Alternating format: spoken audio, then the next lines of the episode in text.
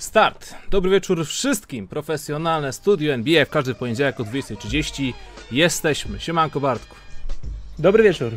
Mati, już się nie śmiejemy z Dramonda.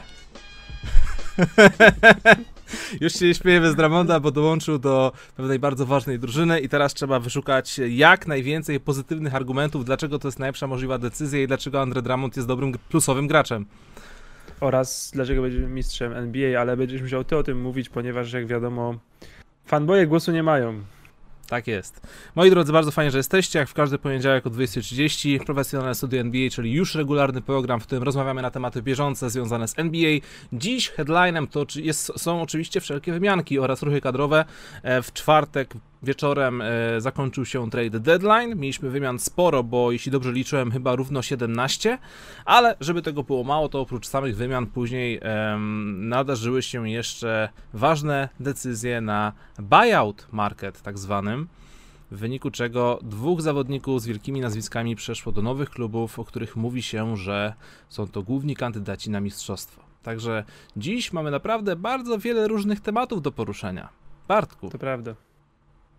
Chciałbym zacząć od życzeń urodzinowych. O, dobra. Dla Pawła, który jest, yy, który nas ogląda, który niestety kibicuje Bostonowi i wrzucił mi yy, zaraz przed streamem tort, jaki dostał, elegancki bostoński tort. E, jeśli będzie chciał, to może strzeluję na czacie, bo to w sumie prywatna sprawa, nie będę tego wrzucał. Okay. Paweł, wszystkiego najlepszego, e, wszystkiego najlepszego dla Celtów, ale nie w tym roku i nie w przyszłym. Ponieważ Lakersi idą po free pit. ale tak to wszystko, fajnie, że jesteś z nami i wszystkiego najlepszego. E, czy ja znam Pawła? E, nie wiem. To w każdym razie wszystkiego najlepszego, Paweł. Życzę Ci tego, żeby Evan Fourier okazał się dla Celtów e, dokładnie taką postacią, jaką Ray Allen okazał się dla, dla Miami Heat. Kto wie? Łukasz, ja życzenia powinny być, wiesz, bliższe ziemi. Jak się masz? Jak się mam? Dobrze, u mnie jest bardzo dobrze.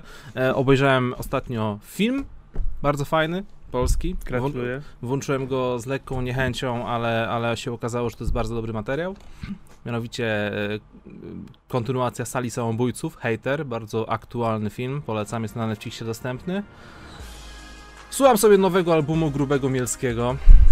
Naprawdę świetny kawał do, dobrej muzyki, dobrego rapu. Nie wiem, czy słuchałeś. E, nie, ale pozostając w klimacie, ja zacząłem sobie oglądać na Netflixie serial dokumentalny Hip Hop Evolution. Okay. Jest cała historia hip-hopu przedstawiona. E, I skończyłem dopiero pierwszy, pierwszy sezon z czterech i zatrzymaliśmy się na latach, znaczy na początku e, NWA, ale był taki, wiesz, w ogóle początek, skąd się w ogóle, wiesz, pierwsi DJ-e, pierwsi, pierwsi b-boye, w ogóle, wiesz, od, pierwsze, e, wiesz, dzielenie bitów, mm. jacyś tacy, wiesz, goście z, z Nowego Jorku z lat 70. Bardzo ciekawe, bardzo, bardzo ciekawy e, dokument, że wiesz, że nie miałem pojęcia. W sensie część nazwisk, wiesz, kojarzyłem, wiadomo, Grandmaster Flasha każdy kojarzy, Jasne. ale jakiegoś G. Cool Helca, który był pierwszym DJ-em być może w historii, już niekoniecznie, I, ale płyty nie słyszałem, może powinienem to jutro zrobić w pracy, posłuchać tej płyty. No to ciekawy temat, Hip Hop Evolution, sobie wpisuję do listy. Razem z tym Tak, polecam serdecznie. Jeśli ktoś e, czuje, że chciałby wiedzieć więcej, to myślę, że to zdecydowanie dobry, dobry, dobra rzecz dla niego, ale nie mam też porównania, bo innych tego typu dokumentów nie widziałem, więc nie wiem, czy jest, wiecie, znakomity, może są lepsze, ale ja widzę ten i mi się podoba. Ja ze swojej strony chciałem po prostu bardzo sprostować nowy album Grubego Mielskiego, bo zawsze podchodzę troszkę tak e, z lekką dozą takiej niepewności e, do nowych materiałów e, raperów. Obawiam się tego, że wiesz, że z każdym kolejnym albumem dostaję to samo, ale w troszkę innym, troszkę wiesz, no, no w zasadzie no, nie czuję tego progresu, cały czas jest to to samo, jest fajne i w ogóle, ale nie jestem zachwycony, nie, nie jest to jakoś w żadnej formie świeże, a w tym przypadku akurat Mielski e, zrobił kawał po prostu dobrej roboty, album słucham sobie od początku do końca, nie skipuję żadnych piosenek, e, jest to zarówno dobry rap, taki wiesz, do, do rozkminki, e, ostatni numer z, an, z, an, z, Undasami to jest taki, takie stilo The Neptunes zrobione idealnie na melanże, tylko trzeba, no, poczekać na koniec pandemii, żeby, żeby, trzeba poczekać na koniec pandemii, żeby taki melanż na spokojnie sobie zrobić, bez nalotów. Wiesz co, ja nie mam nic przeciwko, bez nalotów, ja nie, nie mam nic przeciwko, jeśli ktoś E, kogo styl mi się podoba, mhm. robi płytę w podobnym guście, w stylu, który mi się podoba. Ja nie mam nic przeciwko wysokiemu stałemu poziomowi, e, aczkolwiek wiadomo, że jakieś tam eksperymenty czasem dają dużo lepsze rezultaty, kiedy wiesz, ktoś dał super płytę, potem dał słabą, potem dużo lepszą, ale jeśli ktoś naprawdę robi, wiesz, pasuje mu ten styl, mi ten styl pasuje, robi podobne płyty, to ja nie mam nic przeciwko do, yy, takim twórcom też. Tak, ja wiem, ja wiem o co ci chodzi, bo wiesz, cały czas trzymasz pewien wysoki poziom, ale jeśli robisz wysoki poziom, ale non stop robisz to samo, to nowa płyta jest dobra, ale przestajesz jej słuchać po tygodniu. A jeśli no tak, cały czas prawda. cię ten artysta czymś zaskakuje, to możesz tą, tą płytę słuchać przez grube miesiące. Więc owszem, owszem. W, w, tym przypadku, no wiadomo, to ta płyta dopiero wyszła, więc nie jestem w stanie ocenić, czy będę jej słuchał przez grube miesiące, ale od kilku dni leci na lupie u mnie, więc, e, więc no, chciałem po prostu powiedzieć, kto jeszcze nie słyszał, żeby, żeby sobie odpalił, bo to jest naprawdę dobry materiał. Dobra, Bartku, e, zachęcamy wszystkich do zostawiania kciuka w górę, wiecie jak jest jak to działa na YouTubie. Zresztą jesteście tu z nami co tydzień w poniedziałek, więc nie będziemy już może tego przypominać za każdym razem. Na wszelkie donaty oczywiście też dziękujemy. Na nie przyjdzie czas w odpowiednim momencie. E, pozdrawiamy także aplikację Noin, dzięki której możemy tutaj nadawać, a jednocześnie e, mamy za co kupić obiad, więc to jest też spoko, bo jedzenie jest ważne dla każdego organizmu ludzkiego. Eee, no i co? I możemy chyba na spokojnie przechodzić do trade deadline. Ja jeszcze od siebie tylko dodam, że mamy. Dzisiaj rozpoczynamy nowy kącik kącik sucharów MC Silka, ponieważ otrzymałem kolejny suchar po zeszłotygodniowym, który, jak wiecie, stał na naprawdę bardzo wysokim poziomie w tym tygodniu. Mam wrażenie, że ten poziom y, cały czas jest, tak właśnie, tak, tak ten, taki wysoki, że można się spać, że można z niego na przykład, nie wiem, nieważne, później opowiem ten dowcip. E, Bartku, jakie były według Ciebie najważniejsze ruchy, które mogą dość dużo zmienić na mapie NBA? Najwięcej zmienić w kontekście danej drużyny, czy w kontekście mistrzostwa? Największym w kontekście danej drużyny, bo jeśli chodzi o mistrzostwo, to o Brooklynie i Lakersach i mm, no, nie wiem, Denver, Dobra, to jeśli chodzi Denver, o konkretne drużyny, to Chicago Bulls. Chicago Bulls z takiego mm, mech do play-in może stali się drużyną, która powinna walczyć o uniknięcie turnieju play-in. Tak. I może brzmi to dziwnie, ale, ale tak, to ten, ta drużyna powinna mieć teraz taki potencjał. Drużyna Chicago Bulls, która była niszczona przez wszystkich centrów NBA, jak ktoś potrzebował career high w tym sezonie, to wystarczyło grać z Chicago, bo Wendell Carter Jr. grał i nie grał, drugi był Daniel Gafford, no nie jest to najlepsza rotacja, zamieniamy to na All-Stara Vucevicza i e, do tej pory najlepszego podkoszowego Boston Celtics, Daniela Tysa, bardzo dobra rotacja. Obaj mm. potrafią rzucić, y, obaj potrafią się ogarnąć w obronie. Vucevic lepiej zbiera, Tajs może lepiej rzuca. Eee, no więc jakby tą boleczkę załatwili, nie rozwiązali może pozycji rozgrywającego, ale mają, mają akcję na koniec meczów. Pick and pop, pick and roll Vucevicza i Lawina to jest akcja, którą mogą grać w, w końcówkach meczów, w których nie byli najlepsi i to powinno naprawdę podnieść, podnieść ich sufit i mam nadzieję, że do, dojdzie, znaczy, że jakby dotrą do tych oczekiwań, bo teraz oczekiwania są, mhm. naprawdę są oczekiwania. A czy wiesz co, mi się ten ruch podoba bardzo um, przez pryzmat taki przyszłościowy, że Zach Lawin w końcu otrzymał drugiego All-Stara w postaci Nikoli Wucewicza. Wiadomo, że mówimy tutaj o trzecim garniturze All-Starów, ale wciąż są to All-Starzy. E, wydaje mi się, że awans do samych play-inów, y, nie wiem, załapanie się do ósemki to i tak już będzie przeogromny sukces dla Chicago Bulls w tym sezonie. Nie wiem, czy jest sens aż tak bardzo cisnąć, y, no ale okej, okay, skoro chcą, to niech to robią, ale na przyszłe lata wydaje mi się, że to jest naprawdę świetny ruch. Znaczy wiesz, wiesz Chicago postawili, Bulls... postawili kartę na to, żeby już w tym momencie budować e, skład wokół dwóch bardzo dobrych ofensywnych zawodników, tylko trzeba byłoby tutaj jeszcze ich obudować gośćmi, którzy potrafią też nieco bronić, i, i, i Chicago Bulls może wrócić do jakiegoś tam pułapu, wiesz, chociażby niech, niech się zaczną bawić w okolicach tych 50%. Tanasi Antetokounmpo grozi mi z czatu. Tak, już y, widziałem, widziałem dużo komentarzy. Kolejna osoba, którą musisz przeprosić, Bartek. Jak śmiałeś, jak śmiałeś A Celtics opinię. Forever wysłał nam donate za 50 zł, dziękuję za życzenia, czyli generalnie widzicie, da się z dystansem Pozdrawiamy jeszcze raz. Eee, o czym było? Chicago. Chicago zdało sobie sprawę z kilku rzeczy, wydaje mi się. Mhm. Pierwsza mhm. rzecz. Żaden do porządny, wolny agent do nas nie przyjdzie. Tak. E, nie ma co już zbierać talentu, ponieważ nie jesteśmy już na tyle słabi, żeby dostawać wysokie piki w drafcie, ani też nie pikujemy najlepiej, a więc musimy przykuwać to, co mamy zwycięstwa. I po prostu wychylili się pod najlepszego zawodnika dostępnego na rynku, jednocześnie z pozycji, którą była ich pierwszym lub drugim największym problemem. Tyle. No taka drużyna, to jest drużyna właśnie z, okej, Chicago Bulls to legendarna drużyna, ale no nie byli właśnie dużym graczem na rynku wolnych agentów, chyba że mówimy o podstarzałych gwiazdorach typu Rondo Wade, którzy tam dołączali. E, I po prostu uznali, dobra, no to w takim zdobyć, zdobyć, zdobyć tego All-Stara w, w, w wymianie. Dajemy piki, ponieważ stawiamy na swoje zwycięstwa, próbujemy wygrać z tym, co mamy. Proste. Tak. Bardzo fajne ruchy dla Chicago to jest oznaka, że jest szansa, że będziemy o nich mówić troszkę więcej e, na następnych studiach i na, na, na następnych miesiącach niż to było do tej pory, bo nie ukrywajmy, no tak dość, dość krytycznym okiem ich ocenialiśmy.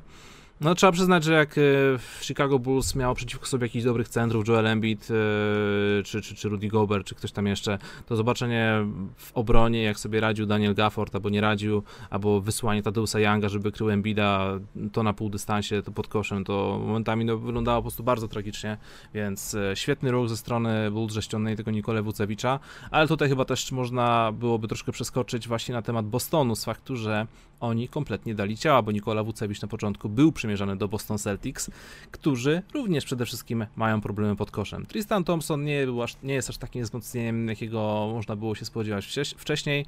Daniel Tice ma tylko i wyłącznie przebłyski, poza tym został wymieniony. No i co? I Boston Celtics e, przespali okienko transferowe. Widziałem mema, e, jak jakaś kobitka z Simpsonów sobie pali fajkę e, i było podpisane, że to jest Danny Ainge, jest podpisane what, whatever I tried. Ale wiesz, yy, może przespali trade deadline, ale za to przegapili też buyouty. I nie dostali Under Dramonda, na którego sobie zęby. Nie, wiesz co, Ale kurczę, wiesz co, z, buyout, kryty... z, buyoutami, z buyoutami to ja troszkę inaczej na to patrzę, wiesz? Ale wiesz, chodzi o to, że yy, krytykujemy danego Inja już, yy, już kilka tygodni mm. i mhm. zostajemy w tym miejscu. Ja dalej krytykuję danego Inja i ja nie wiem, co ta drużyna chce osiągnąć, ponieważ teoretycznie, wiesz, były plotki, że byli w grze o wszystkich zawodników Orlando Magic czyli i o, e, i o Gordona, i o Wuczewiczu, i o Furnierze. O wszystkich trzech mówili, o wszystkich trzech. W pewnej tam jakieś były różne przymiarki, żeby zdobyć. Na pewno nie trzech naraz, może dwóch z trzech, ale w różnych konfiguracjach. Zdobyli koniec końców. No nie chcę powiedzieć najsłabszego, ale no z drugiej strony Boston potrzeba wszystkiego, bo Boston potrzebuje tak naprawdę wszystkich pozycjach wzmocnień, no to niech będzie, w sensie Evan Fournier to jest bardzo dobre wzmocnienie dla nich, więc jakby wzmacniamy się, próbując w sumie łatać dziurę po Haywardzie, którą sobie zrobiliśmy, e, a jednocześnie pokazujemy, że mamy w dupie wygrywanie, ponieważ zwalniamy naszego najlepszego podkoszowego Tysa, żeby nie być w Luxury Tax i zamieniamy go na Mo Wagnera. E, więc jakby to jest tak, wiecie, trochę się wzmacniamy, ale z drugiej strony nie do końca chcemy nie na, wygrywać. Nie na więc... Mo Wagnera, tylko na białego Shona Kempa. E, przepraszam, tak, e, tak. E, i, I znowu właśnie na, e, i tak trochę wygrywa, trochę nie do końca. Mam jeszcze tego wyjątku, wiecie, tam 11 milionów, czyli znowu takie, pff, co za 11 milionów może zdobyć, mhm. nie wiem, Eda Davisa, tego typu graczy e, i takie no i co my właściwie chcemy zrobić? Nie, nie, czy Boston właśnie, bo, bo Boston chyba nie chce zdobyć mistrzostwa w tym roku, po prostu. A czy nie, no widać, że Boston ma w tym sezonie przeogromną zadyszkę. Brakuje im, nie wiem, czy to jest brak zaangażowania, czy serca, czy po prostu, nie wiem... Mm, Mało talentu. Jakiegoś... Słabe wymiany, słabe podpisania, nie, złe decyzje kadrowe o Bostonie, tam nie ma talentu na tytuł. O Bostonie też nie możesz mówić, że mają mało talentu, bo jednak wszystko się kręci wokół dwóch młodych super zawodników, Tatum czy Brown. Wiadomo, że Kemba to jest inny trochę temat, no bo mówimy o weteranie, który już jest podłamany przez, przez te wszystkie kontuzje, ale wiesz, po prostu nie ukrywajmy, oni grają poniżej swoich oczekiwań, niż to, czego się od nich spodziewaliśmy. Z ja się nie zgadzam. Ja ich obstawiam na piątym, szóstym miejscu, mówiłem, że będą słabsi, bo oni grają dokładnie według moich oczekiwań. Ja tak mówiłem, że tak będzie i dokładnie tak jest. Dlatego ja nie okay. mówię, że oni grają poniżej czy powyżej oczekiwań. Ja mówiłem, że będą słabsi, ponieważ moim zdaniem podejmowali złe decyzje kadrowe w ostatnich latach. Stracili takich graczy jak... Yy, Derry Rozier, Marcus Morris za darmo, Hayward za, da za darmo, Horford praktycznie za darmo. Tam był talent tej drużynie, ta drużyna przecież była trzy razy w ciągu 4 lat w finale konferencji, różnym składem, mm. przez różnymi ścieżkami i tak dalej. I nie ma tego teraz. I nie dość, że jakby te decyzje wszystkie po drodze nie były najlepsze. Co zgubiłem wątek? Nie no, spoko, luz. Aha, to ich obrona się posypała. Obrona, która była ich znakiem y, rozpoznawczym, Brad Stevens, y, wiesz, Butler i w ogóle, nie ma tej obrony. E, nie ma w ataku takich rzeczy jak na przykład dostawanie się na linię, mhm. jak wymuszanie fauli, no e, tak, przez to, to na przykład tracą więcej punktów z kontry przez to, przez to, wiesz, obrona się, yy, bo też od straty nie dbają najlepiej, niestety, bo, bo, bo ci zawodnicy, tak jak powiedziałeś, którzy głównie kreują są młodzi, a inni kreatorzy typu Smart Kemba wpadają, wylatują, wpadają, wylatują. I ta drużyna nie ma takiej struktury, nie ma tak, nie, nie, nie wiem, ja nie widzę takiego scenariusza, że oni na przykład za dwa miesiące klikną i wiesz, i będziemy myśleć, o, Boston ma to. Nie widzę tego scenariusza w przypadku Bostonu. A czy wiesz, no w tym momencie, kiedy nie zrobili tych ruchów i wciąż nie mają centra na poziomie playoffs, e, no to całkiem możliwe, że będzie tak jak mówisz, że to po prostu nie kliknie. Ale wydaje mi się, żebyśmy inaczej o tym wszystkim rozmawiali, gdyby chociaż Nikola Wucewicz do nich dołączył. To już by wyglądało Tak. naprawdę bardzo fajnie, bardzo interesująco. To E, ja- byłby ja- ruch ale- po win now. Tak, To ale... był taki ruch, a ty... No ale okej, dobra, nie wyszło. E, zadowalają się z Evanem Fournierem, e, który po tym sezonie kończy swoją umowę i zapewne będzie oczekiwał kolejnego dużego hajsu. Na ten, na ten moment 20 punktów w Orlando zdobywał. E, to jest bardzo dobry zawodnik, jako taka trzecia opcja playoffowej drużyny i wiesz, no, jest doświadczonym graczem, który jest w stanie ładnie skarcić z dystansu, jest w stanie wejść pod kosz e, i byłby, no jest, jest jak dla mnie super uzupełnieniem zarówno dla Jasona Tatuma, jak i Jalena Browna. Tylko czy on tam na pewno będzie aż taki ważny jak w rotacji Orlando? Ja myślę, że to jest raczej, raczej, kwestia, raczej rola Sixmana będzie pisana w tym składzie. Znaczy być może będzie kończył mecze, chociaż też ja nie wiem, jak oni chcą kończyć mecze. No nie mogą kończyć mecze Smart, Kemba, Fournier, Brown, Tatum. Tam, Mhm. to, to, nie, to jest za mały skład. E, ale myślę, że będzie miał sporą rolę, bo tak, bo kurczę, Boston miał sporo problemów tak naprawdę. Boston potrzebował właśnie rezerwowego ballhandlera, potrzebował e, gościa, który będzie krył Janiców i tak dalej i potrzebował centra, no i w sumie no, ma tego rezerwowego ballhandlera, no bo tam co grał z ławki Peyton Pritchard właściwie, Mhm. E, ewentualnie ktoś z, ktoś z pierwszej piątki, Jason Tatum, dopóki był zdrowy, często grał z rezerwowymi i wtedy zajmował się bardziej kreacją.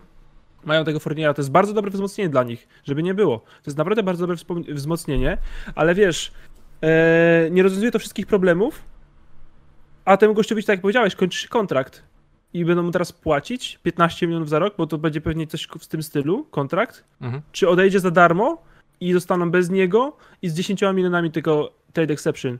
I oni nie będą mogli podpisać nikogo innego poza tym, y, dolara, poza tym, poza tym trade exception, bo oni nie mają wolnego cap space'u. Oni mają podpisane pieniądze w tym swoich czwórce zawodników Kemba, Smart, Brown, Tatum. Okej. I to A- jest problem. Tak, a powiedz mi, e, o tej drużynie się nie mówi i z tego co czytałem, wszyscy jednym tchem mówią, że Orlando Magic totalnie dali ciała. Że oni stracili wszystko, całkowicie rozmontowali swoją drużynę. E, nie wiem, czy widziałeś mój materiał, nie wiem, czy masz podobne wnioski jak ja. Oglądałem twój materiał. E, masz podobne Tak, wnioski jak ja, czy raczej stwierdzi, stwierdzasz, że zrobili jeszcze gorszą rzecz niż było wcześniej? Orlando, aleluja! Dziękuję, okej. Wznosiłem modły błagalne od dwóch lat o to, alleluja, Boże, w końcu idziecie w jakimś kierunku. Brawo, Orlando, może mogło być troszkę lepiej, ale jest naprawdę nieźle. Byliście nigdzie, teraz jesteście trochę niżej, ale przynajmniej widzicie, w którym kierunku idziecie. Tak, mają przynajmniej cel na GPS-ie, to już jest coś. Tylko jeszcze nie mają fury, żeby tam dojechać, więc na, póki co na piechotę. Prawda. Dobra, może i- mają furę, ale jest jeszcze w garażu, która się, wiesz, może być może mają furę, która jest jeszcze u mechanika. Nie wiedzą tego, RJ ale jeśli tak, e, myślę raczej o Jonathanie Isaacu i Markelu Fultzie, ale wiesz, być może tam jest nawet trochę składu jeszcze mhm. I zakażesz za rok, ale to będą właśnie zawodnicy dużo, dużo młodsi, a nie będziesz prosić 30-letniego Forniera i Vucevicza, poczekajcie jeszcze rok.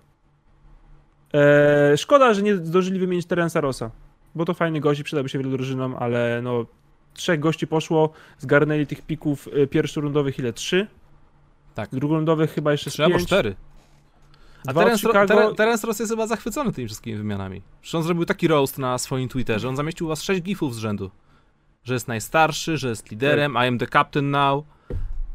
Wiesz, to jest niesamowite, nie? Niech buduje zasięgi, no teraz on jest, wiesz, y, myślę, że on będzie główną twarzą PR-ową Orlando Magic, nie? Niech Tak bije hajs na tym, skoro i tak nie gra już o nic w tym sezonie. E, ciekawi mnie cały czas ta sytuacja, jak to się rozwinie w przyszłości, jeśli chodzi o rozgrywających. No bo Markel Fultz to jest wciąż młody, perspektywiczny, bardzo dobry zawodnik, no ale już widać, że no, te, te problemy z kontuzjami są dość poważne.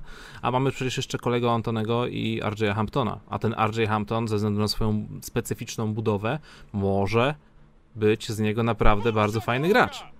Albo Michael Carter Williams, jeszcze nie wiem. Mam nadzieję, że bardzo fajny gracz, ale głównie skupiam to na tym, znaczy bi- y, wnioskuję to po tym, że wydraftował go Denver Nuggets, a Denver Nuggets naprawdę bardzo dobrze draftuje w ostatnich latach. Mhm. Masy, masy I to zasługa, chłopaków. to zasługa naszego polskiego kochanego skauta. Proste.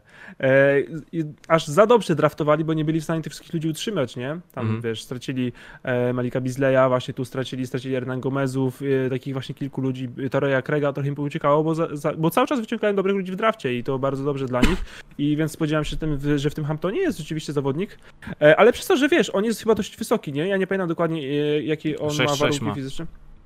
E, 53? tak. Więc, więc ja nie widzę, czemu on by nie mógł grać na przykład z Fulcem czasem lub, wiesz, taka trzyosobowa rotacja gardowa, jakby coś tak, wiesz. Znaczy wiesz, o, fajnie byłoby ich zobaczyć razem, ale nie wiem, czy e, wtedy nie zabraknie im trochę shootingu. Bo zarówno Fultz, jak i Hampton nie są jakimiś super snajperami. Wiesz, wciąż się rozwijają, nie? W tym, w No ty, tak, w tym tak. konfiguracji, że jeśli Fulc na boisko pewnie musiał mieć piłkę, no ale to jeszcze zobaczymy, to jest wszystko przyszłość, E, ale przyszłość nie jest najgorsza, lepiej mieć trzech do wyboru, żeby wracać dwóch najfajniejszych, niż mieć e, potrzebę dwóch, a mieć jednego albo pół. Mój najbardziej, najfajniejszy ruch podczas tego trade deadline to wielki powrót Javala McGee do Denver Tak, Nuggets. Javal McGee!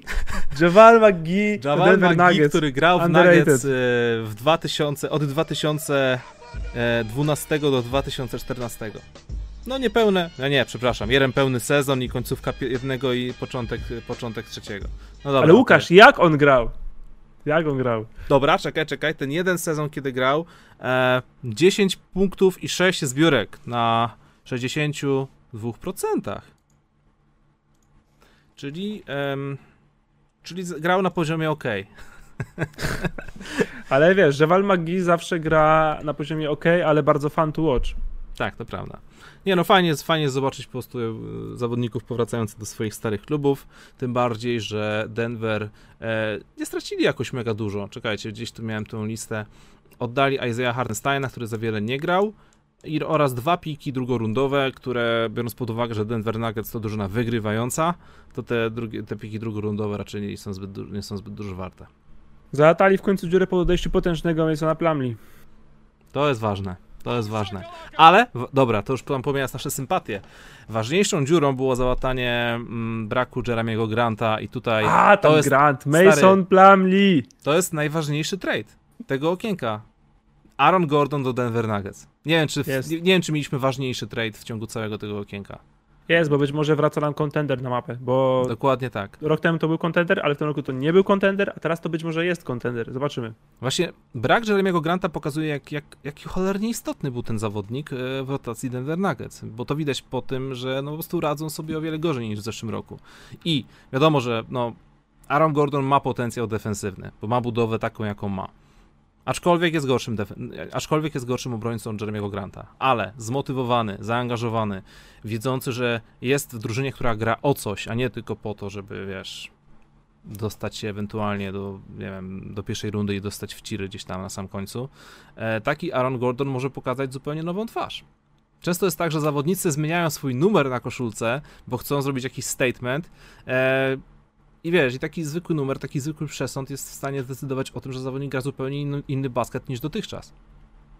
Jeremy Grant jest lepszym zawodnikiem niż Aaron Gordon, koszykówki, mężczyzn profesjonalnym, Tak ale mówisz? jeśli, tak mówię, ale jeśli właśnie Aaron Gordon, wiesz, chce w pełni kupić tą rolę, uzupełniania składu, wiesz, nie blokowania rozwoju Michaela Portera Juniora, wspomaganie Jokicia, jakichś tam, wiesz, katów, odwalania, od, od, oddawania y, mm, wolnych trójek, nie, nie, nie robienia rzeczy, których nie umie, a które w Orlando musiał robić, jeśli on, wiesz, w pełni się kupi w tę rolę, to może nawet lepiej niż y, Jeremy Grant, który na przykład byłby niezadowolony z tego, że, wiesz, nie dostaje posiadań w pick and rollu na koźle, Mhm. Eee, ja się cieszę, że Denver to zrobiło, bo uważałem, że za dużo stracili w to, że, że błędem było aż takie osłabienie się. Eee, nie sądziłem, że aż tak, bo nie sądziłem, że, że, że Nikola Jokic będzie aż tak dobry i chyba Denver samo się tego nie spodziewało, a jeśli Nikola Jokic jest tak dobry, a jest tak dobry, to powinni spróbować. No i, i, i, do, i dobra wymiana. Poza tym, tak jak wspomniałeś w swoim materiale, e, Aaron Gordon ma jeszcze kontrakt ważny nie tylko w tym sezonie, więc to spoko opcja. Jeśli będzie jakiś problem, będzie można wymienić go ewentualnie znowu, ale jakby wciąż są w grze. Nie oddali też aż tak dużo.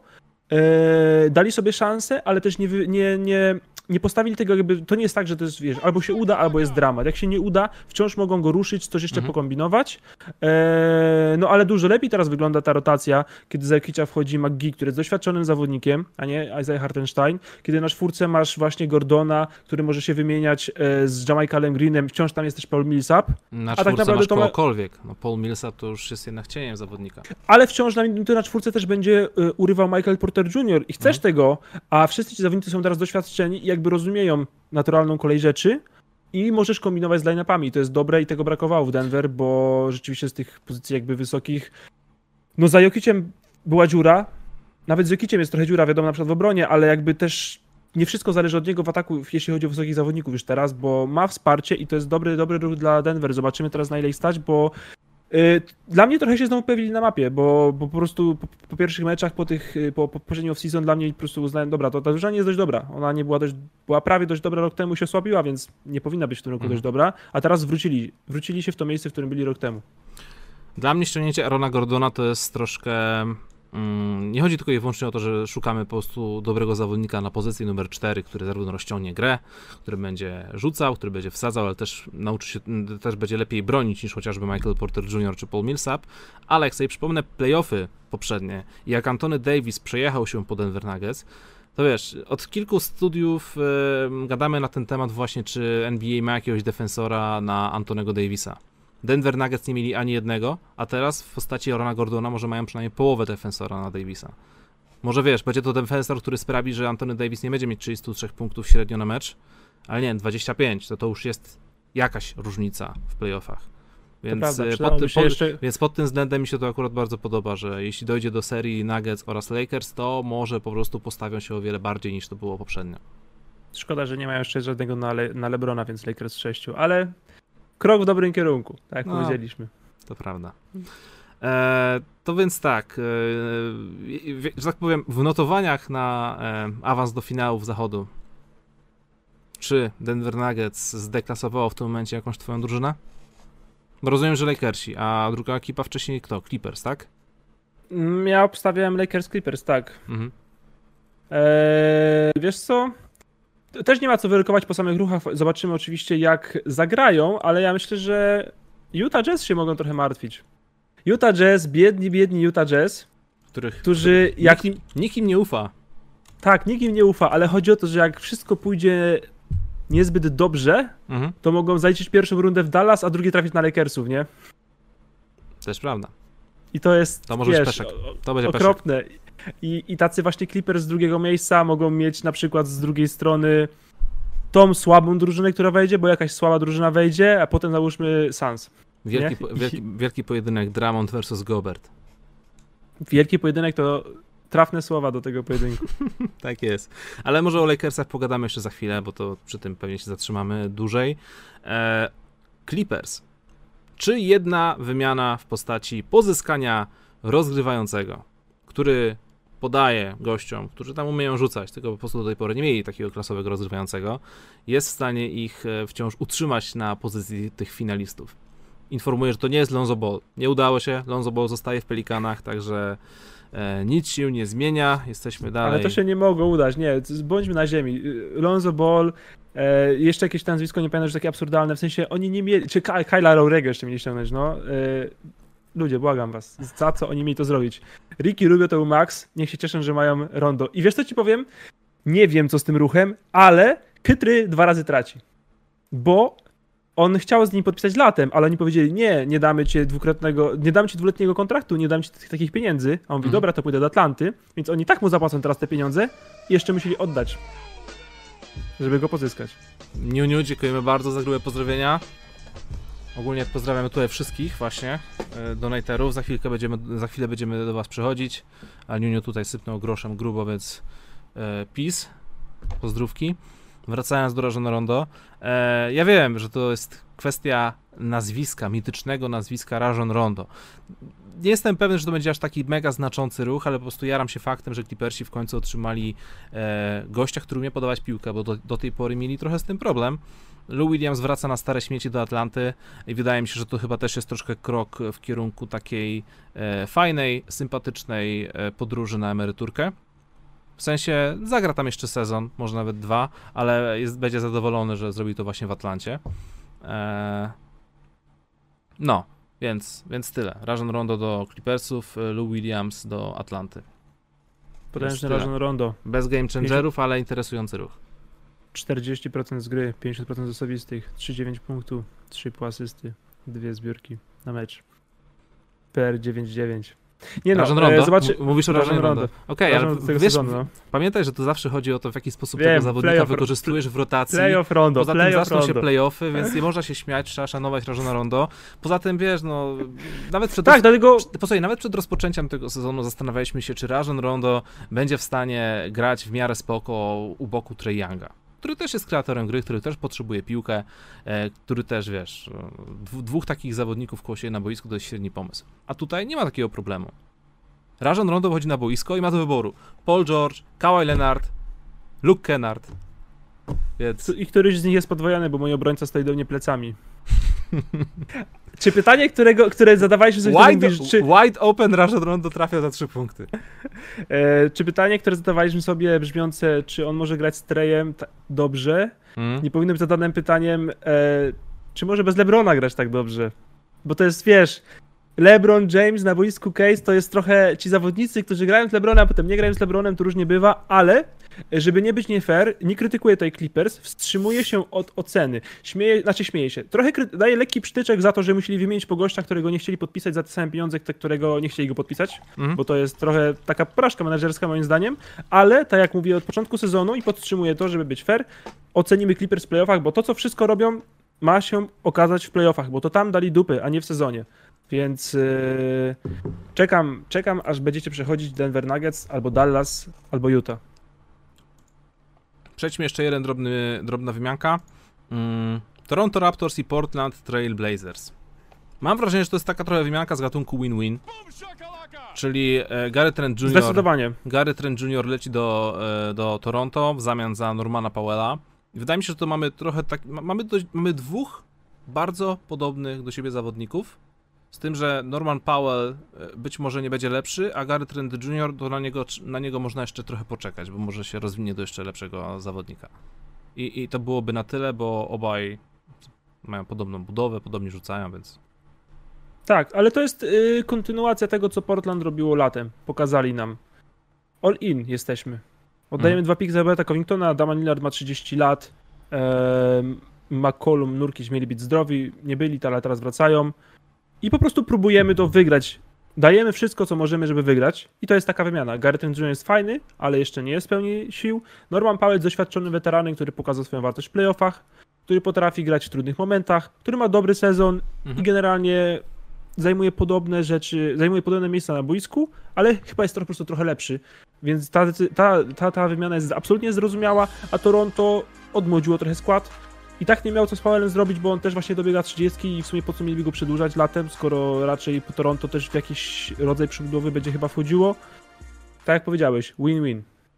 Mi się akurat podoba też ten ruch, bo Norman Powell jest znany z tego, że jest takim gościem, który zawsze gra na maksa. W sensie, wiesz, ostro trenuje, chce być zawsze najlepszy.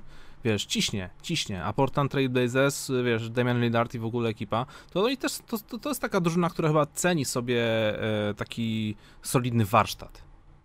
Więc całkiem możliwe, Tak. że może, może nawet się okazać e, po prostu Portland się mogą okazać lepsi z nim w w składzie niż, niż z Trentem Juniorem. Bo ogóle- Jr. też jest w roku kontraktowym i najprawdopodobniej powi- znaczy powinien próbować udowodnić swoją wartość, a Portland nie chce zawodnika, który teraz ma udowodnić swoją wartość, tylko ma zawodnika, który będzie uzupełniał McColluma i Lillarda.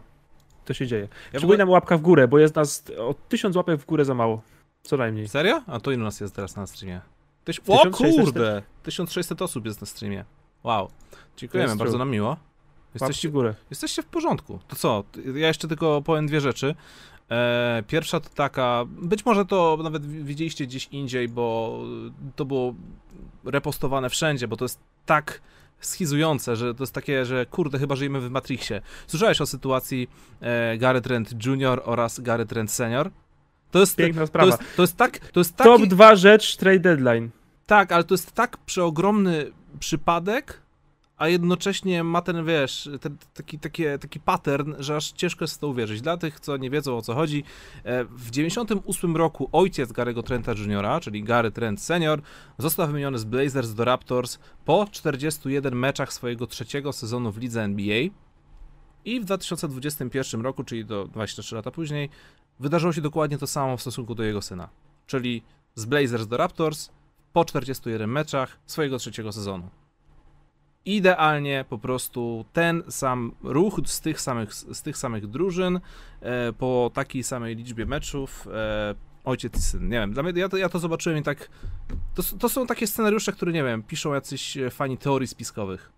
To jest cudowne. To jest top dwa rzecz z punktu widzenia komedii w tej trade deadline. Druga jest taka, że każdy zawodnik, który ma na imię Gary jest w NBA został wymieniony tego samego dnia. Jest trzech Gary w NBA, Gary Clark, Gary Harris yy, i właśnie Gary Trent Jr. Jest tylko trzech Gary w NBA. Tylko trzech? wymienili tego samego to jest takie dnia. popularne imię. Tak, ale jest trzech i wszystkich wymienili tego samego dnia. No Gary Harris do Orlando, Gary Clark do Denver, Gary Trent Jr. do Toronto. Okej. Okay. Cudowne jest NBA. Cudowne I Reddit NBA. NBA też jest bardzo dobry. Dobra, czy to jest moment... W ogóle życie jest dobre. tak, życie jest dobre w ogóle, Bartek. Lubię, lubię życie, życie jest całkiem okej. Okay. Nie wymieniłbym życia za nic innego, Bartek. Dobra, słuchajcie. Przytomne zdanie. Kącik miłości sucharów MC Silka. Nie jestem pewny, czy naprawdę to dobrze zacytować, bo to jest taki żart, tak zbudowany, że ja tego też potrzebowałem chwili, żeby skumać, ale... Miałem się napić herbatę, ale się powstrzymałem, żeby nie zaparskać mikrofonu. Dajesz, Łukasz. Uwaga, suchar. Jak, Jak będzie dobry, to wbijamy tysiąc łapek w sekundę. MC Silk, pozdrawiam cię serdecznie, dziękuję za kolejną porcję, za kolejną dozę humoru. Jak nazywa się urządzenie w samochodzie w liczniku, co się obracają mile, by się wyświetliło, ile kilometrów przejechałeś? Miles Turner.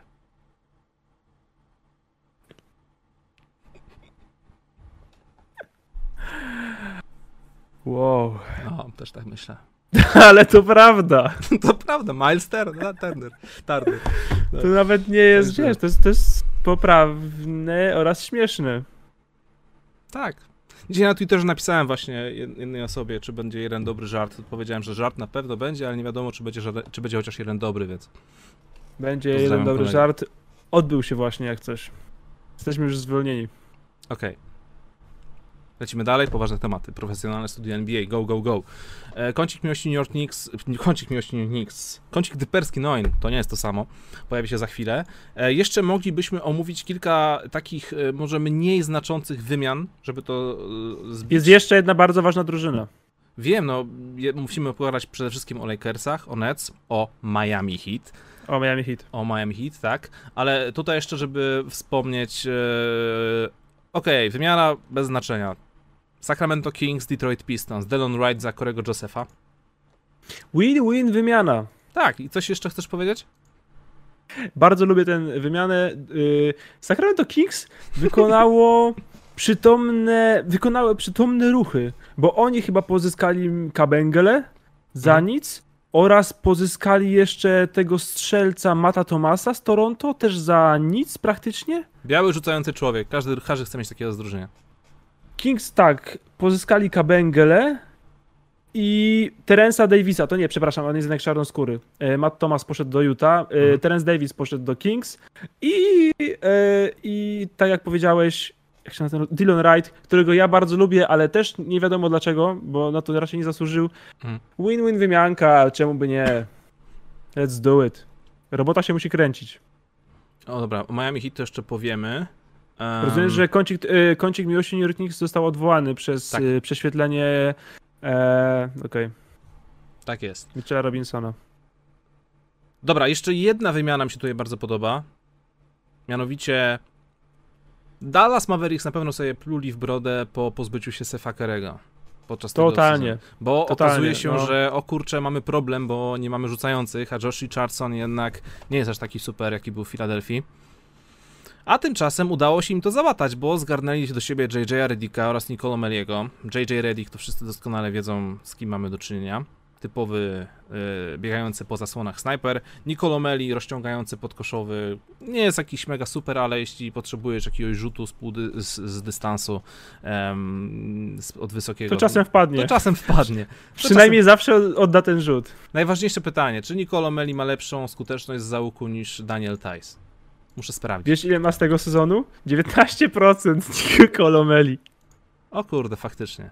Ale, z na, ma... na pewno chce dobrze, na pewno chce dobrze. Tice ma 35. Jak można rzucać, jak można rzucać dobrze za 3 grając w Pelicans? To się wszystko zmieni w Dallas.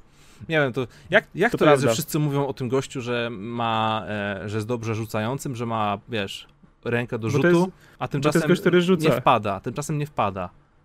Znaczy on chyba jakieś tam problemy zdrowotne z kariery miał lepsze, ale też jakiejś dobrej kariery, bo 31% ma z kariery, ale e, nie no, on wygląda jak miał ułożony i on te rzuty oddaje pewnie, ale no nie, mój test oka pokazywał, że niezbyt, ale no tak, no w sensie no szukali rzucających ludzi, no to ich pozyskali, ale wiesz co, to co powiedziałeś, że se plują w brodę, że plują sobie w brodę po oddaniu Seta Karego, to jest niesamowite, bo to była najlepiej rzucająca za trzy drużyna, bo to Mhm. najlepszy atak w historii ligi y, według statystyk z tamtego sezonu. Tak. I uznali sobie, możemy oddać jednego strzelca, pozyskać obrońcę, nic nam się aż tak nie stanie, prawda? Przecież mamy najlepszy atak. Otóż stało się, Curry jest aż tak dobry. To jest niesamowite, jak jest różnica.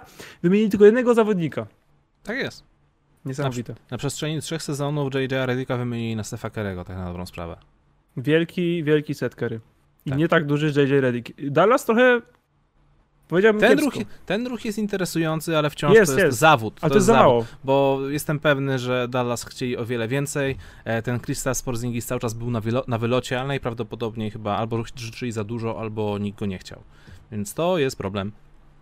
I wiesz, no to jest wciąż, który, który to jest sezon Luki Doncicia? Trzeci dopiero, nie? Tak. Trzeci, no, więc, więc mają jeszcze czas. To nie jest tak, że oni teraz tracą jego najlepsze lata, bo jego najlepsze lata dopiero nadejdą.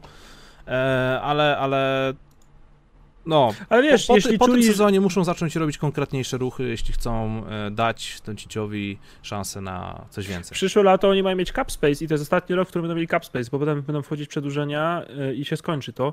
Wiesz Mhm. co? Trochę masz rację, dopiero trzeci rok, ale z drugiej strony, jeśli Dallas czuło, że, wy, że miało Clippers, jak, tak długo jak Porzingis był zdrowy, a ja miałem to poczucie, ale ja jestem, wiesz, nie najlepiej nastawiony do Clippers, że oni mieli Clippers, jak byli zdrowi, Mhm. to powinni spróbować trochę bardziej. A nie zrobili tego, a przez to, że zachód jest jak zwykle bardzo mocny, to po prostu wiesz, wydaje mi się, że. Bo tam nie ma tak, że będzie jakaś luka. Jakaś luka to będzie do drugiej rundy, może, Jakaś ale w drugiej luka? rundzie. Haha, to śmieszne, nie? Ale w drugiej rundzie czeka już na ciebie na pewno co najmniej Denver, Utah, Lakers albo Clippers. Yep, I tak tam jest. już nie ma, tam już nie będzie luki. W najgorszym wypadku czeka cię Phoenix Suns. Czy jesteś w stanie wygrać z Phoenix Suns? Może. I to jest. To jest najmniej prawdopodobny scenariusz, Mhm. maksimum możliwości i to jesteśmy w finale konferencji i tam dostajecie już papę, przykro mi. Szkoda, bo Luka Doncic jest wielki, nie? I naprawdę, naprawdę tamta seria ubiegłoroczna, te trzy mecze, kiedy Porzingis jeszcze grał i kiedy prowadzili z Clippers 2-1, było super. I się zesrało. To jeszcze w ramach obowiązku dziennikarskiego e, Golden State otrzymali pieniążki, Charlotte Hornets Brada Wonamakera, a San Antonio Markisa Chrisa. A i Nie są- tego nie Chrisa są to- biednego. Nie są to, nie są to znaczące wymianki. Golden State po prostu chcieli sobie zrobić miejsce e, w składzie. I tyle. To co? No i tam zaoszczędzili bardzo dużo pieniędzy z, z podatku luksusu, chyba z prawie 40 milionów, przez to, że zwolnili tych, dwóch ludzi. No więc to były finansowe ruchy. I to są finansowe ruchy, które mają sens. W sensie wiesz, że na pewno nie jesteś zbyt dobry i robisz finansowe ruchy, a nie wzmacniasz się Walem Fournierem i robisz oszczędności, tak? Dobra, najważniejsze ruchy, czyli Lakers, Nets oraz Miami Heat, pogadamy o nich za chwilkę. Zaczniemy też odpowiadać na wszystkie donaty, a teraz, moi drodzy, uwaga, uwaga, robimy kącik typerski Noin dla wszystkich, którzy nie wiedzą o co chodzi. To jest aplikacja, w której można typować mecze NBA za darmo, zgarniamy punkty w rankingu, wygrywamy nagrody takie jak książki koszykarskie od wydawnictwa SQN, koszulki Keep Debit, bądź e, słuchawki Turtle Beach, takie jak na przykład mam ja, bądź Bartosz. I tutaj, uwaga, uwaga, ja oczywiście nie będę mówić, bo moje typowanie to jest. Ja to traktuję jak zabawę, wiesz, Bartek, ja to traktuję jak zabawę. Ale Łukasz, jesteś. ja też robię to na luzie. Ty jesteś. Mhm, jesteś spoceńcem, jesteś nowym spoceńcem, tryhardem. Analizujesz zaawansowane statystyki, później liczysz punkty, a tutaj może postawię dogrywkę, może coś z tego będzie. Wczoraj byłeś na czwartym miejscu na Noinie. A dzisiaj? Jestem na drugim miejscu. Ale Czekaj. wiesz co? A. Byłem na trzecim jeszcze przed streamem i ja nie wiem, Okej. ktoś chyba skasował konto, bo, yy, bo byłem na trzecim miejscu dzisiaj, cały dzień, przed streamem jeszcze sprawdzałem, teraz jestem na drugim, więc chyba musiał ktoś zniknąć z drugiego, nie pamiętam jak się ktoś nazywał. Albo z pierwszego ktoś zniknął. Tak, z pierwszego ktoś zniknął, bo ktoś był 20 punktów przed nami, może oszukiwał. I go usunięto. Może. Bo ktoś był 20 punktów przede mną i przed gościem z drugiego miejsca, a teraz mam 3, punkty do pierwszego miejsca, jestem na drugim, czyli chyba ten gość z pierwszego zniknął. Jestem na drugim miejscu, więc nic wam dzisiaj nie powiem. Mm-mm. Łukasz typuje. Nie chcesz tego stracić? Nie mogę. A co jest za drugie miejsce? Książka czy koszulka? Nie wiem, ale jak wygram, to zrobię konkurs, więc e, spokojnie. O kurde, możecie, dobra, możecie dobra. trzymać za mnie kciuki. Okej. Ale jakbyś miał pierwsze, to też byś zrobił konkurs? Ja robię konkurs do rozdania koszul... do, do rozdania mam słuchawki Turtle Beach o wartości 800. E, nie, Nie potrzebuję. E, Rozdaję w konkursie, bo folia z nich spadła i nie mogę ich sprzedać. da, da mnie bratu, kupię koszulkę i zrobię konkurs z koszulką. Okej. Dobrze, okej, ale Bartku, byłoby super, ci to, to pomógł troszkę z tym typowankiem. Tak, tylko wiecie co na przykład z moimi typami, dlaczego jestem teraz tak wysoko, e, No. bo ja zerkam jeszcze przed snem na to, kto nie gra i kto gra. I często wtedy zmieniam typy. Mhm. Na podstawie, na podstawie raportów kontuz, y, kontuzji, Ale... Ale- Na RotoWire czy na innych stronach? e, na Twitterze głównie, wiesz, po, Twitterze. po, mam followowanych bitwriterów i tam często wrzucałem, że o, Harden jednak jest out, coś tego typu, nie? Mhm. E, no dobra, podam typy. Łukasz Szynicki dobrze podpada, muszę dać fake typy. Zrób to. E, robimy to od, od dwóch miesięcy, teraz zauważyliście? Nie no, żartujemy oczywiście.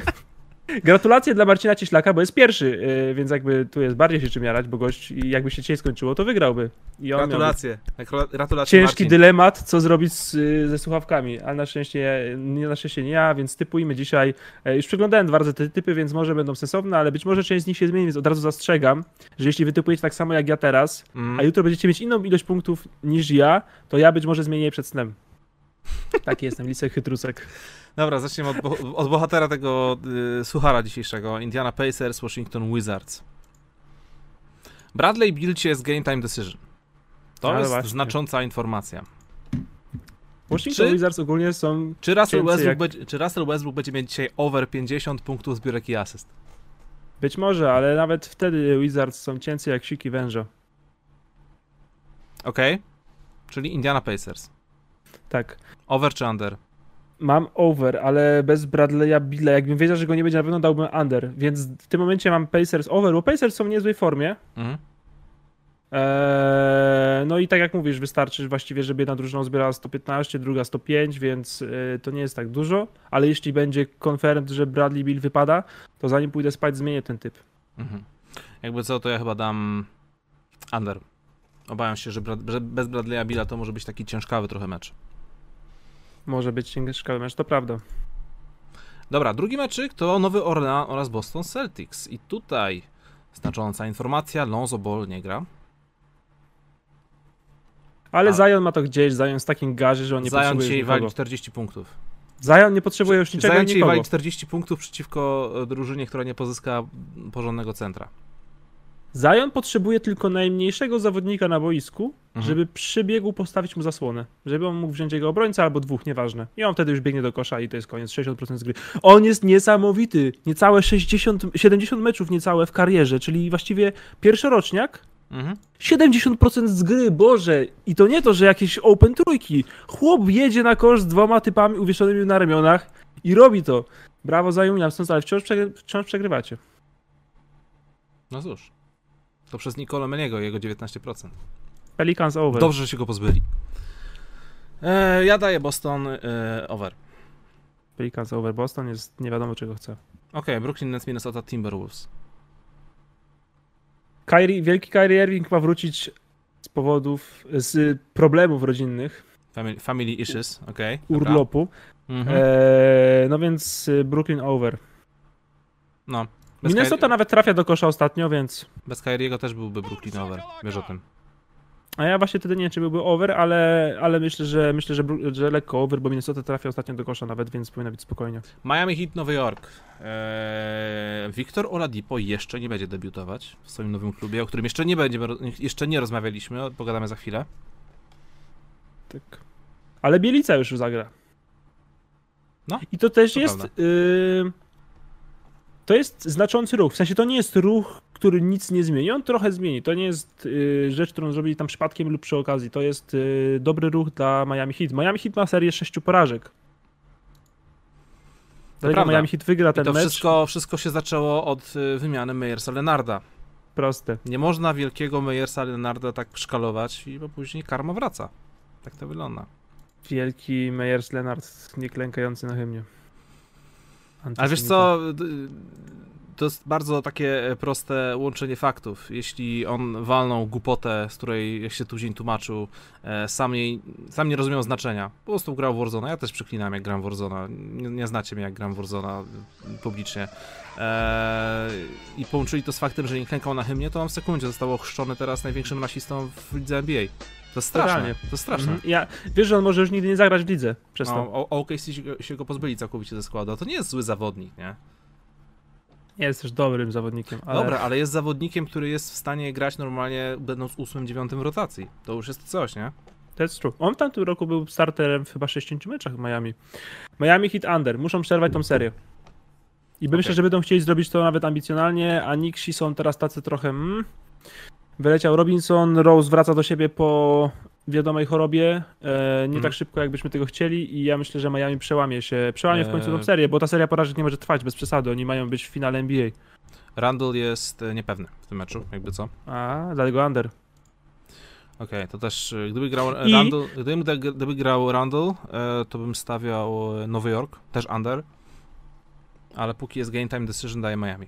Jakby co zmienia, I ma wrócić i ma wrócić Dragic, a on jest bardzo, bardzo, bardzo, bardzo ważny dla wygrywania Miami Heat. Więc Miami Heat, ale Anderek, bo obie drużyny nie są w formie.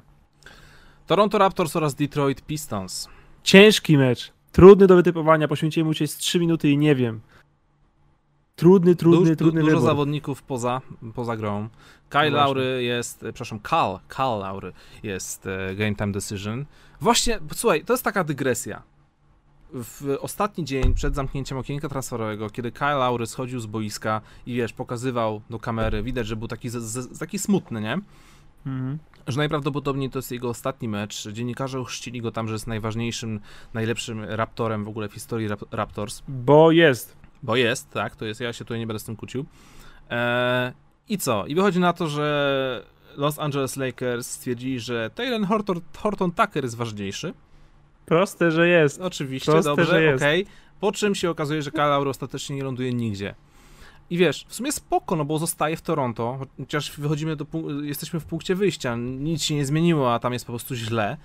Ale kiedy Laury schodził z tego boiska i tak pokazał do kamery tego pisa, pis, ale taki, w taki smutny sposób, to tak sobie pomyślałem, kurde, jak przez tego covida tacy zawodnicy tak bardzo tracą swoje przeogromne wspomnienia z całej swojej kariery.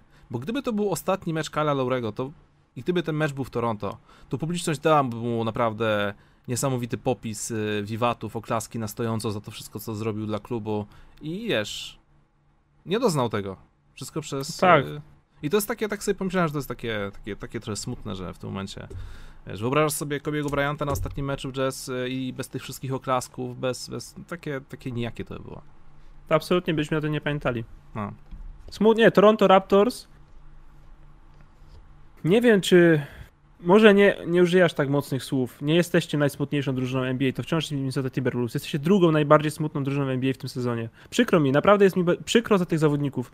Oni byli w Bomblu bardzo długo, mm. teraz znowu są miesiące bez swoich rodzin, które zostały w Toronto głównie. Oni nie mogą się ruszyć, są w obcym mieście, bez widzów, Skład jest taki mech, sezon jest właściwie stracony, chorują jeszcze tak naprawdę, bo przecież to jest jedna z drużyn, która bardziej obrywała przez pandemię.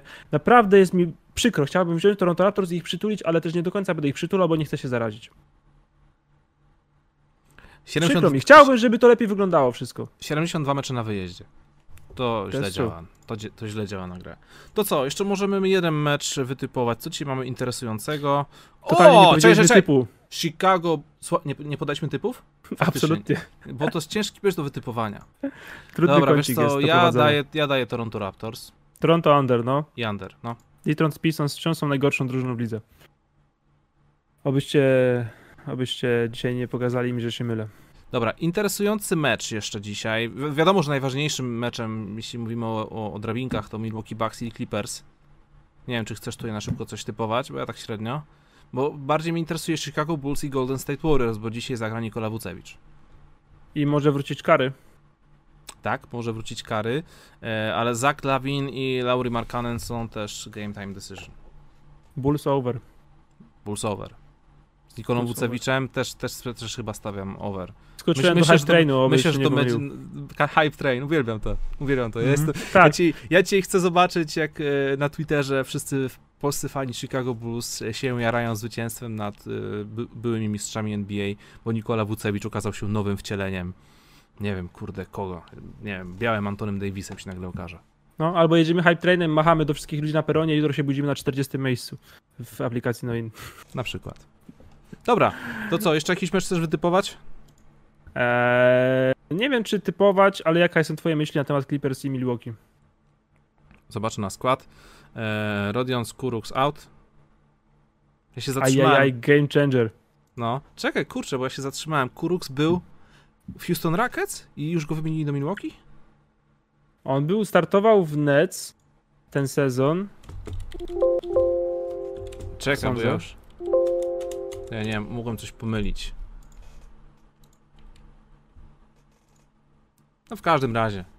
Rodion Skuruks y, nie gra, to jest ważne. PJ Tucker out, Bobby Portis out. Po stronie Clippersów i Baka Beverly. Rondo jeszcze nie zagra, więc... Więc nie ma to już takich mega poważnych zmian, szczerze mówiąc. Najważniejsi zawodnicy grają. Eee, Ale No, Janis jest bez formy, jest chyba niezbyt zdrowy. On dwa mecze opuścił przez coś z kolanem. W Mhm. dwóch grał, w jednym miał problem z faulami, w drugiej nie był zbyt skuteczny. Eee, I ja myślę, że Janis nie jest do końca zdrowy. Mhm. Taki fizycznie nie na 100%. True. I z bólem serca Clippers over jest moim typem, ale nie jestem, nie, lub, nie jest mój ulubiony typ z dzisiaj. Go Clippers. Go, no. Okej. Dobrze, dziękuję bardzo. To był kącik typerski Noin. Eee, I teraz możemy przejść do kolejnych rozmów na temat y, drużyn, których jeszcze nie omówiliśmy, tych wszystkich y, wymian. E, I donaty. Właśnie, muszę wyłączyć donaty, bo się tutaj nie wygramolimy do północy. E, czekaj. Możesz. Dokładnie, Tanasis ich porobi, proste. Dobra, To nie jest prawda. Donaty wyłączone.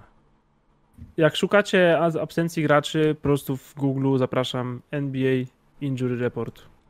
Tak jest. A jakby co to jeszcze sobie wam, stronkę, którą lubicie. Jakby co, to jeszcze wrzucam linka wam na czacie do RotoWire, bo to jest też bardzo prosto, fajnie wytłumaczone. Tylko, że jeśli nie macie subskrypcji, to macie dostęp do składów tylko na dany dzień. Na kolejne dni już, e, już się wam nie wyświetla. No więc trzeba po prostu codziennie sprawdzać, więc tyle, nie? Tak. Okej. No bo właśnie przed snem, nie? Mhm. Dobra. Mm. Ja się zastanawiam, czy przejrzeć na szybko donaty, żeby sprawdzić, e, czy były tematy odnośnie Miami Lakers czy Nets, czy po prostu porozmawiamy o Miami Lakers i Nets, a później jak będą donaty, to po prostu powiemy pozdrawiamy, przed chwilą gadaliśmy. Chyba pierwsza forma jest, pierwsza opcja jest chyba jednak trochę lepszy, bardziej user-friendly. User friendly, okej. To w- żeby nie było w donaterze, mam nadzieję, że nikt tu się nie, nie poczuje w jakiś sposób e, źle z tego względu, ale na pewno prędzej czy później w jakiejś formie na każde z tych pytań odpowiemy. No, więc e, sobie tutaj cofnę. To możemy, wiesz, zrobić na przykład 10 donate'ów. Jeśli nie będzie tam pytania, to wrócimy, to po prostu powiemy, Okej. powiemy. Just B napisał najlepsze życzenia z okazji urodzin Łukasz. Dziękuję bardzo, ale to chodzi o innego Łukasza. Także pozdrawiamy Łukasza, który ma urodziny. Tak, pozdrawiam wszystkich Łukaszy z rodzinami. Drugi donate datuje od Szymona Firkowskiego. Witam, jaki był najgorszy mecz NBA lub ogólnie mecz koszykówki, jaki w życiu widzieliście? Serdeczne pozdrowienia dla was. Najgorszy Zapraszamy mecz... na, lig...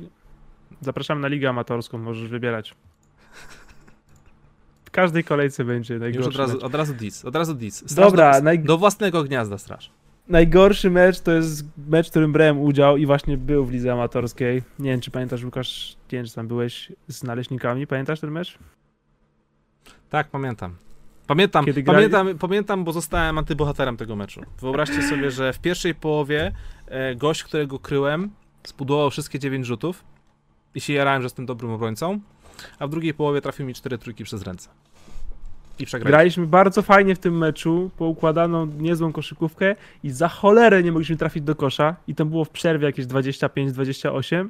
Przeciwnicy na szczęście dorównywali nam poziomem do połowy, w sensie nie trafiania niczego do kosza, ale w drugiej połowie uznali, możemy trafić 9 trójek przez ręce, prawda? I Pewnie. przegraliśmy jakimiś dwoma punktami. Bo ostatecznie chodzi o to, żeby piłka wpadała do kosza. I to jest właśnie straszne, bo widzisz, że wszystko gra. Jest flow piłki, dobre ustawienie, dobre zasłony, tylko że oddajesz ten rzut do kosza i cegła i airball. Kiedyś widziałem taką akcję, właśnie to wyglądało jak poezja, to było jak wiesz, San Antonio Spurs, The Beautiful Game, tylko że to była chyba akcja Denver Nuggets, jak wiesz, podanie za plecami, to wszystko było robione kamerą Phantom, wiesz, super slow motion, za plecami do jednego gościa, drugiego, przejście przez całe boisko i trójeczka i jest w slow motion, jak wszystko fajnie leci i piłka leci do kosza, leci do kosza i leci pół metra od obręczy, bo to był airball. Tak. Więc to jest najgorsze, nie, w koszykówce. No ja pamiętam, że zaprosiłem wtedy znajomych, których chciałem trochę zaimponować i musieli to oglądać. No. Okropny był ten mecz, śnił mi się z dwa razy później, więc możecie sobie wyobrazić, jak zły był. więc tak, zapraszam na lokalne. Wpadajcie na lokalne ligi amatorskie, jestem pewny, że macie tam dobre mecze i nie najlepsze mecze. Jak w każdej lidze. Tak. Norbert, kolejny donate od Norberta, pozdrawiam serdecznie. Panowie z typowanych przez was ósemek pewniaków w konferencjach, jaki finał NBA byłby dla was największym zaskoczeniem, ewentualnie rozczarowaniem? Pozdro i dziękuję za świetną, cotygodniową robotę. Dziękuję bardzo. E, zaskoczenie, to jest dobry temat, bo cały czas mam flashbacki z Miami Heat, z, z bańki w Orlando. To było przeogromne zaskoczenie. Na pewno nie rozczarowanie, bo wszyscy, wszyscy wtedy kibicowali Miami Heat za to, że jakie oni mają podejście do basketu. Ale w tym sezonie wielkim zaskoczeniem e, byłby awans dla mnie Boston Celtics do finałów, a po stronie zachodu mimo wszystko Utah Jazz. Mimo tego, że są najlepszą drużyną. To Ciężko. jest niesamowite, nie? Chciałbym, chciałbym po prostu bardzo uwierzyć w to, że oni są w stanie wygrywać serię playoffs. I prędzej czy później się pewnie tego nauczą, no bo talent jest, ale, ale muszą to wpierw udowodnić. Ale R- rozczarowaniem będzie kolejna porażka Milwaukee Bucks, załóżmy na przykład, nie wiem, może, może nie, że dobra, w drugiej rundzie, ale wiesz, z, z niżej rozstawioną drużyną na przykład. albo na przykład, że prowadzisz 2-0 i przegrywasz 4-2. Na przykład. Utah Jazz mówisz, że mają talent i może się nauczą wygrywać, ale jest jakieś sześć drużyn w lidze w serii, z którymi nie będą mieli najlepszego zawodnika na boisku. E, Przepraszam, możesz powtórzyć? Utah Jazz No. nie będzie miał najlepszego zawodnika na boisku w serii z Lakers, Clippers, Dallas, Denver, Sixers, Heat, Nets i nie wiem, czy wyczerpałem temat. Oni po prostu na koniec meczu crunch 109, 108 Jordan Najlepszy, zawod... Najlepszy zawodnik na boisku będzie biegał w innej koszulce. Tak, to prawda. W każdej serii od drugiej rundy. I to jest problem Utah Jazz. Tak. Co się może, Ale- oczywiście, Ale nie aczkolwiek, znaczy, że nie wygrają. Detroit Pistons, San Antonio Spurs, byliśmy tam. Aczkolwiek koszykówka właśnie to sport zespołowy, więc, więc tutaj można trzymać Tak. kciuki, że mimo tego, że nie masz tego najlepszego zawodnika, to jako kolektyw możesz zagrać lepszą koszykówkę wciąż. Nie? Oczywiście. Dlatego ich nie skreślamy, ale nie, nie postawiliśmy na to pieniędzy. Mhm. Chciałbym zobaczyć zwycięstwo zespołowej koszykówki, tak jak zwycięstwo Lakersów na tego sezonu, bo grali Mhm. super zespołową koszykówkę. Można się śmiać o LeBron, gwiazdeczki i w ogóle, ale chodziło o obronę i w tym roku też chodziło o obronę, bo przypominam, że dopóki LeBron grał Lakers, pierwsza obrona w lidze, cały czas, bez Antoniego Davisa.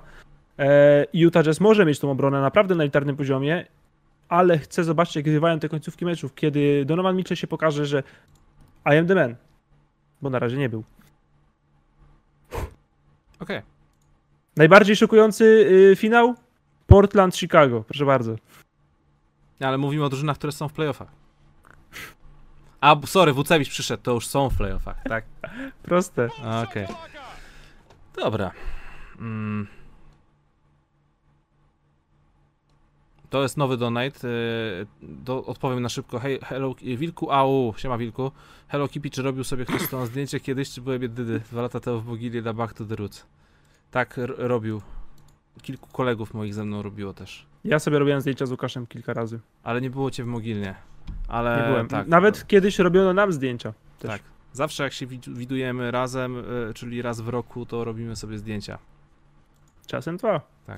Ale Kiedyś jeśli, to jeśli dwa lata temu Trzy razy w tylko, tygodniu. jeśli Wilku tylko, tylko my sobie zrobiliśmy razem zdjęcie, to, to musi być bardzo wyjątkowe, bo nikt takiego nie ma. Eryk, kolejny donate, pozdrawiamy serdecznie. Siema, dziś o tradeach, zatem wątek luźno powiązany. Czy wraz z zakończeniem kariery przez CP3 skończy się era typowych jedynek w starym stylu? Jak myślicie, panowie, czy LeBron James dogra w Los Angeles Lakers do końca swojego czasu, czy jeszcze zobaczymy go w innym klubie?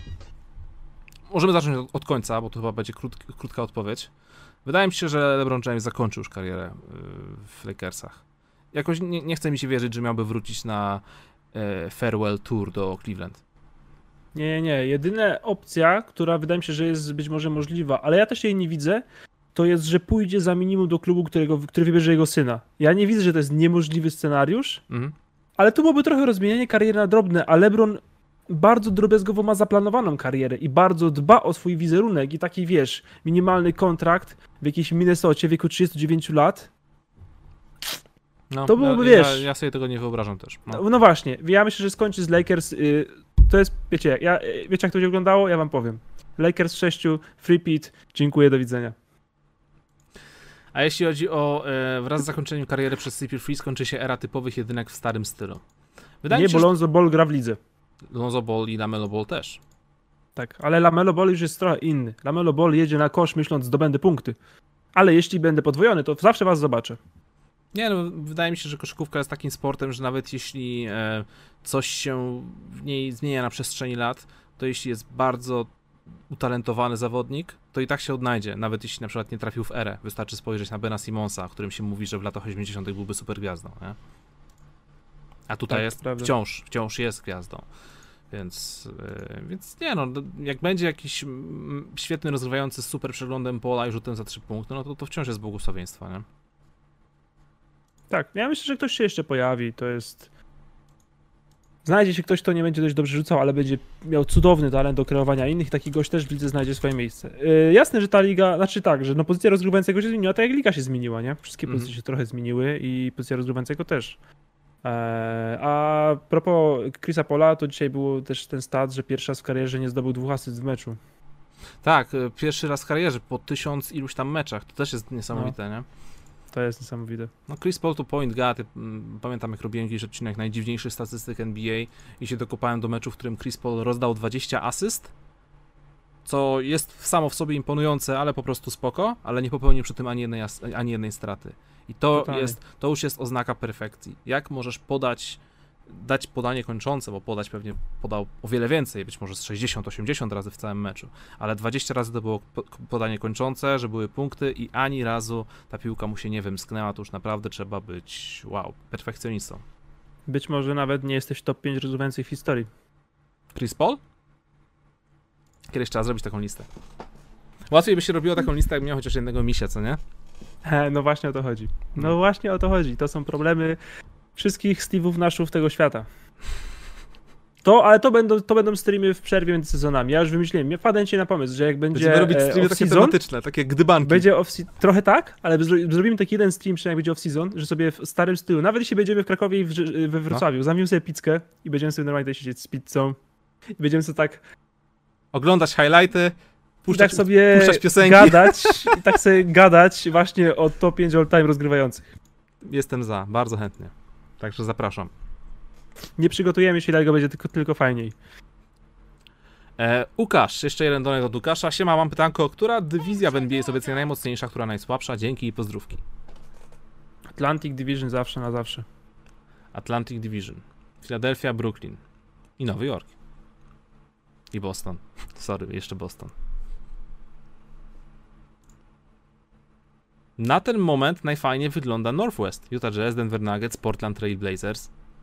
76% zwycięstw Utah, 61% Denver i Portland. Ale ja wiem, o co- wiem o co chodzi. Ja, ja po prostu patrzę na procent zwycięstw, ale y, jak patrzysz na drużyny same w sobie, no to Pacific Division, jakby Sacramento Kings nie istnieli. no, Kurczę, Sacramento Kings, no serio. Błagam was. Kurczę, no. Le Lakers, Clippers, Warriors i Phoenix Suns, których się nie powinniśmy śmiać od kilku miesięcy. I Sacramento Kings są też w tej dywizji. tak. To puszczę jeszcze jeden... Powinni, wiesz co powinni zrobić? No, no, no. Powinni zachlać winę. Śmieszne, to jest żart. To jest humor sprzed tygodnia. I wciąż jest świeży. Hu, ale to jest taka obelga, to jest humor sprzed tygodnia, ziom. Ale jest wciąż świeży. Dziękuję. Tak. Dziękuję, Łukasz. Łyk herbatki za, za dobry humor. Łyczek wody. Mnie herbata wysusza. Łyczek wody jest w, z drugiej strony, w innym kubku. To jest woda. Milo, pozdrawiamy serdecznie. Tutaj jeszcze puszczam donate, bo był w temacie, który już się pojawił wcześniej. Hej, co sądzicie o obecnej formie Boston ruch, ruch w Angel i dziurze na pozycji centra, która nijak nie jest, za, nie jest załatana po przyjściu młodego Mu Wagnera. Co muszą zrobić, żeby nie strzałkować playoffs? Pozdro bracia Łysi. Luke Cornet! To masz takiego koszykarskiego tureta, który objawia się tym, że zamieszczasz takie właśnie, y, wiesz, nazwiska e, zawodników z drugiego garnituru, że o, to może być game changer. Luke Cornet, Dylan Wright, Sami Ożelej. Nie i oni. Fiondu, Fiondu Kabengele. tak. Który chyba został zwolniony w ogóle, to jest takie rozczarowujące. Zostałeś zwolniony nawet z Sacramento Kings. Fiondu Kabengele, oficjalnie jestem twoim fanem, Mhm. odkąd cię Sacramento zwolnili. Jesteś większym fanem, kciuki. y, jesteś większym fanem Fiondu niż Tanazisa Antetokounmpo na przykład? I Teransa Mana razem wziętych. Okej. Także Milo, mam nadzieję, że no, nie odpowiedzieliśmy na twoje pytanie, ale wcześniej gadaliśmy dużo na ten temat i no, nie będziemy już może powtarzać, jeśli chodzi o, Tak. Boston. Jeśli poprzednia nasza odpowiedź nie jest wyczerpująca, to po prostu sobie wpisz Luke Cornet Highlights w, w YouTube'a i będziesz wiedział, w którym miejscu są Celtics, jeśli chodzi o pozycję centra. Let's do it, dalej. E, Jordan is the GOAT, pozdrawiam serdecznie. Nasz e, cotygodniowy kolega od fajnych pytań, pozdrawiamy. Siemka, dziś są moje urodziny i z tej okazji chciałem po prostu wam podziękować za regularne studio, które od dłuższego już czasu niezmiennie uprzyjemnia mi poniedziałki. Tworzycie super społeczność fanów NBA wokół siebie, zrób, zróbcie koniecznie zlot latem. O, To jest super, ale przede wszystkim Jordan is the GOAT, wszystkiego najlepszego z okazji twoich urodzin. Wszystkiego najlepszego. Co za urodzinowy dzień jest nagle. No, wszyscy mają dzisiaj urodziny, ale to spoko. Na pewno ktoś w mojej rodzinie też ma dzisiaj urodziny i ja nie zużyłem życzeń żadnych. Złożyłem oczywiście Jordanowi i złożyłem e, wcześniej Pawłowi. też, tak, Pawłowi. E, I myślę, że to jest dużo życzeń jak na jeden dzień. To prawda. Jordan is the GOAT, jesteś Ale bardzo, bardzo, dziękujemy, bardzo, to są bardzo miłe słowa co do zlotu fanów NBA, e, zlotu naszej społeczności fanów NBA. Bardzo, bardzo, bardzo chcemy coś takiego zrobić. Już pierwsze kroki zaczęły, zaczęliśmy robić pierwsze kroki, żeby coś, coś tutaj podziałać. Tylko wiadomo, przez tą pandemię wszystko stoi na bardzo niepewnej stopie, więc, więc e, sytuacja jest rozwojowa. Znaczy, Problem jest taki, że nie wszystko zależy od nas, ale pomysł, jesteśmy jak najbardziej all-in w ten pomysł. Pan Posąg, e, pozdrowienia jeszcze dla pana Posąga. Jakbyście mogli wymaksować Donciciowi jeden skill, co to by było? Nad czym powinien najbardziej pracować? Pozdrowienia dla Marty, Damian and Skrawek. Pozdrawiam całą ekipę, pan Posąg, Martę, Damian, Skrawek. Jesteście w porządku. E, Ja Donciciowi wyma- wymaksowałbym przede wszystkim e, dojrzałość, ale to po prostu przychodzi z wiekiem. Mm, to jest dobry typ, aczkolwiek dojrzałość ma niezłym poziomie. Ja bym chyba wymaksował wytrzymałość kolan i kostek. Też. Albo dla Beki szybkość. Że tak biega jak TJ McConnell z tym wszystkim, co robi. No tydzień Ale McConnell, to jest tydzień tylko McConnell dla właśnie nie zabawy. biegasz tak szybko, tylko tak umiejętnie biega. No to niech biega jak Diaron Fox. O. Ale to tylko dla zabawy po prostu. Speed na maksa i proszę bardzo, Luka Donci piłka do rączek, proszę bardzo. Tego mu życzymy. Luka Doncic. I mi się mu życzymy. Fan Peytona Pritcharda siema pewnie będzie dużo o tradeach, e, dlatego zapytam was o waszą piątkę według sympatii, niekoniecznie umiejętności spoza mainstreamu. Moja to Smart, Levert, Aaron Gordon, Steven Adams i Time Lord. Pozdro. Dziękuję bardzo, pozdrawiam ciebie również. Eee, nasza ulubiona Ciekawe, że wybrał wszystkich za byłych zawodników Celtics lub ludzi, którzy byli łączeni z Celtics. i nazywa się, o i się, i się podpisuje jako fan Peytona Pritcharda. Hmm. Może to, Może to Danny Ainge. może to alterego Patryka. Może. Może. Może tak być. Ale może też Eee, tak nie być. Twoja alternatywna piątka sympatii. Kogo byś E, tutaj dał? pozostając obiektywnym, Mhm. Alex Caruso, Taylor Horton Tucker, Kyle Kuzma. Nie, żartuję. Żartuję, żartuję, żartuję. Ale Alex Caruso jest w tej piątce, Mhm. bo Alex Caruso jest w porządku gościem. Allen Caruso jest w każdej piątce. Tak samo jak Boban Marjanowicz, także ja już mam dwóch. Ty masz Bobana, dobrze. Spencer... Mason Plumlee. Okej, Spencer Dinwiddie. Będziemy się wymieniać nazwiskami, no. Mhm. Spoza mainstreamu. Poza mainstreamu.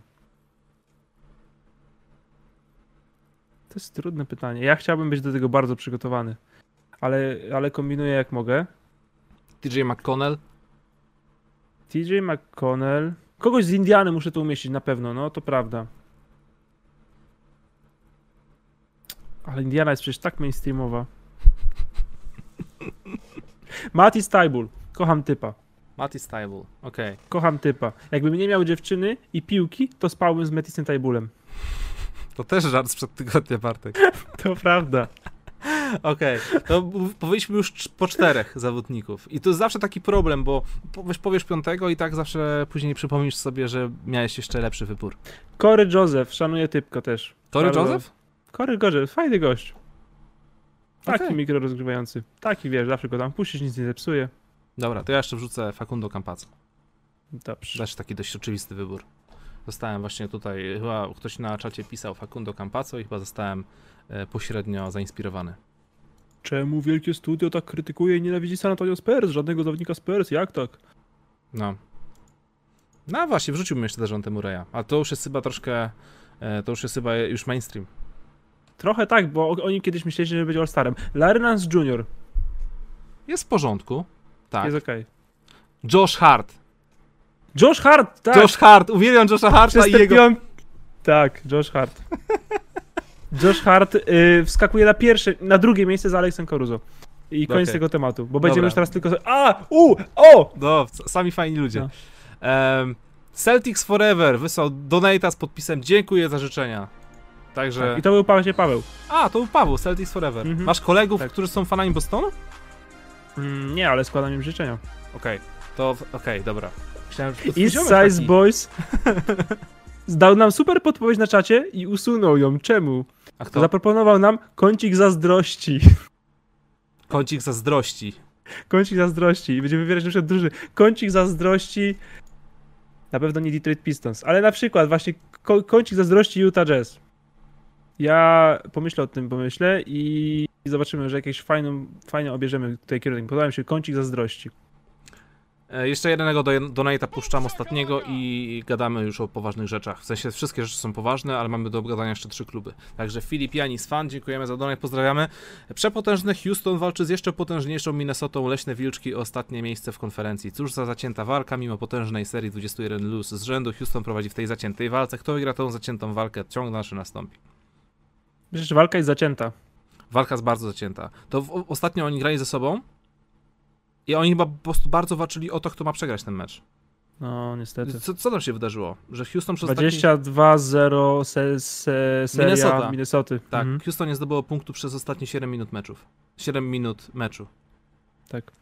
I co ciekawe, wciąż Houston jest przed Minnesotą w tabeli. Mein God, jak można być tak? Niesamowite. Dobra, wracamy do Miami Heat. Ponieważ Miami Heat to cisi zwycięzcy tegorocznego trade deadline. Pat Riley zrobił tak super wymiany, że e, no po prostu znowu ograł. Kradzież, wszystko. Kradzież. kradzież, kradzież, po prostu kradzież. Jeśli David Stern wetował Chrisa Pola do Lakers, to jak można nie wetować wszystkiego, co robi Miami Heat? Stracili Kelly'ego Olinika, Avery, Avery, Bradley'a, e, piki, jakieś tam, zamianę pików. A, i to wszystko. Avery Olinik, e, Avery Bradley, e, Kelly Olinik, Avery Bradley oraz piki, a jeszcze za Bielicę stracili...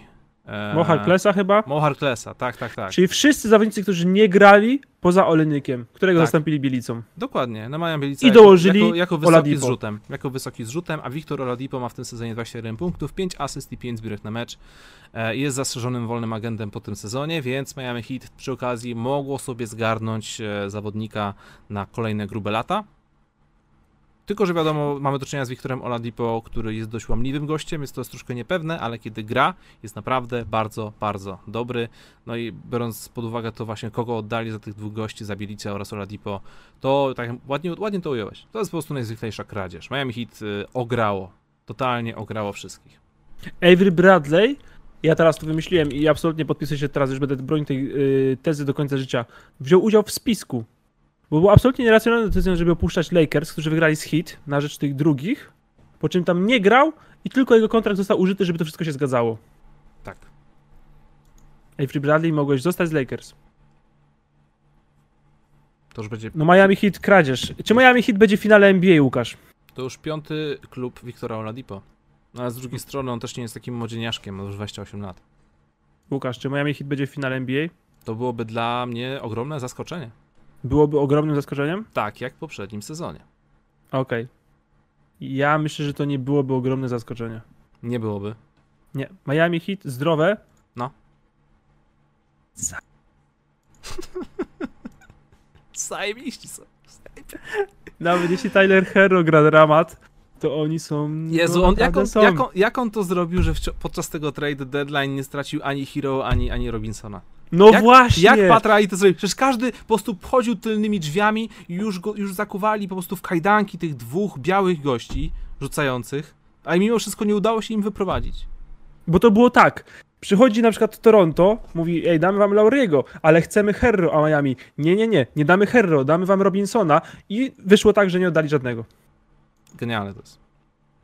Także To, że Miami- oni utrzymali i Robinsona i Herro, to jest jakiś cud.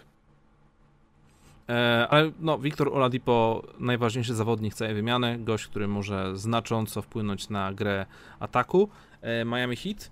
E, I kiedy jeszcze mm, ten trade już poszedł oficjalnie, to zaczęło się mówić o tym, że Lamarcus Aldridge najprawdopodobniej właśnie zasili szeregi Miami Heat. Ostatecznie trafił do Brooklyn Nets, co oczywiście wzbudziło szok wśród wszystkich na fanów NBA na świecie, bo jak to tak kolejny dobry zawodnik dołącza do super mocnej ekipy. Ale tak sobie pomyślałem, czy Lamarcus Aldridge na pewno byłby aż taki potrzebny, czy nie przypadkiem nie zabijałby flow, nie zabijałby tempa gry Miami?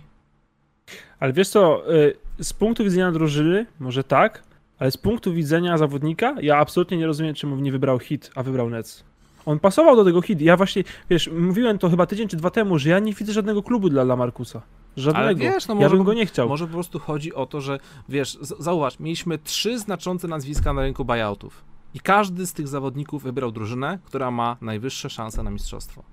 To jest oczywiste, kiedy zawodnik... Czy na kiedy- pewno kiedy zawodnik Netsi zarabia- mają Słuchaj, większe szanse niż Słuchaj, Miami kiedy, zawo- kiedy zawodnicy zarabiają, og- zarabiają ogromne pieniądze, bo ich kontrakty zostały po prostu wykupywane i mogą pójść gdzie chcą, a gratisowo jeszcze dostaną jakieś tam marne 500 tysięcy do końca sezonu, ale mogą grać z kim chcą, mogą pójść gdzie chcą, tylko wiadomo, że drużyna też musi ich chcieć, no to czemu nie mają iść do drużyny, która daje im na to największe szanse. W szczególności jeśli, wiesz, w przypadku przynajmniej Griff- Griffina oraz Lamarcusa Aldridge'a, w szczególności kiedy mówimy o zawodnikach, o których się mówi, że oni są już u schyłku kariery, że już są nieproduktywni, że są do niczego, więc e, niech przynajmniej grają sobie w tym drugim garniturze z szansą o najwyższe cele, to już tutaj prędzej oceniłbym negatywnie wybór Andre Dramonda, który jako bądź co bądź wciąż względnie młody zawodnik, też poszedł na twiznę, jak, e, jak e, jego dwaj starsi koledzy. I tu mówię nie do końca. Nie do końca. Bo czemu Andre Drummond wybrał Lakers? A. To znaczy, można to spłucić do tego, no chcę wydać łatwego, łatwego miszka, Mhm. ale jest też trochę druga strona medalu. Andre Drummond walczy o nowy kontrakt. Tak. Pokazał, że może nabijać statystyki w Cleveland, ale ma przypiętą łatkę zawodnika słaby zawodnik, znaczy wiesz, dobre statystyki w słabej drużynie. Tak, puste kalorie. I on zawsze Tak. grał w takich drużynach, dlatego fajnie było. Zawsze się, gra w złych drużynach. Dlatego I fajnie dlatego było, wybrał dobrą się. drużynę, której pokaże, że w dobrej drużynie również będzie produktywny Mhm. i że będzie z nim dobra i wygra mistrzostwo. Dzięki, znaczy między innymi dzięki niemu. A nie, że znowu pójdzie na przykład do Knicks i dalej będzie super statsy, a nikt na przykład nie wyjdą do playoffów i będzie, o, Dandre Drummond znowu, kolejna średnia drużyna nie jest z nim lepsza na parkiecie.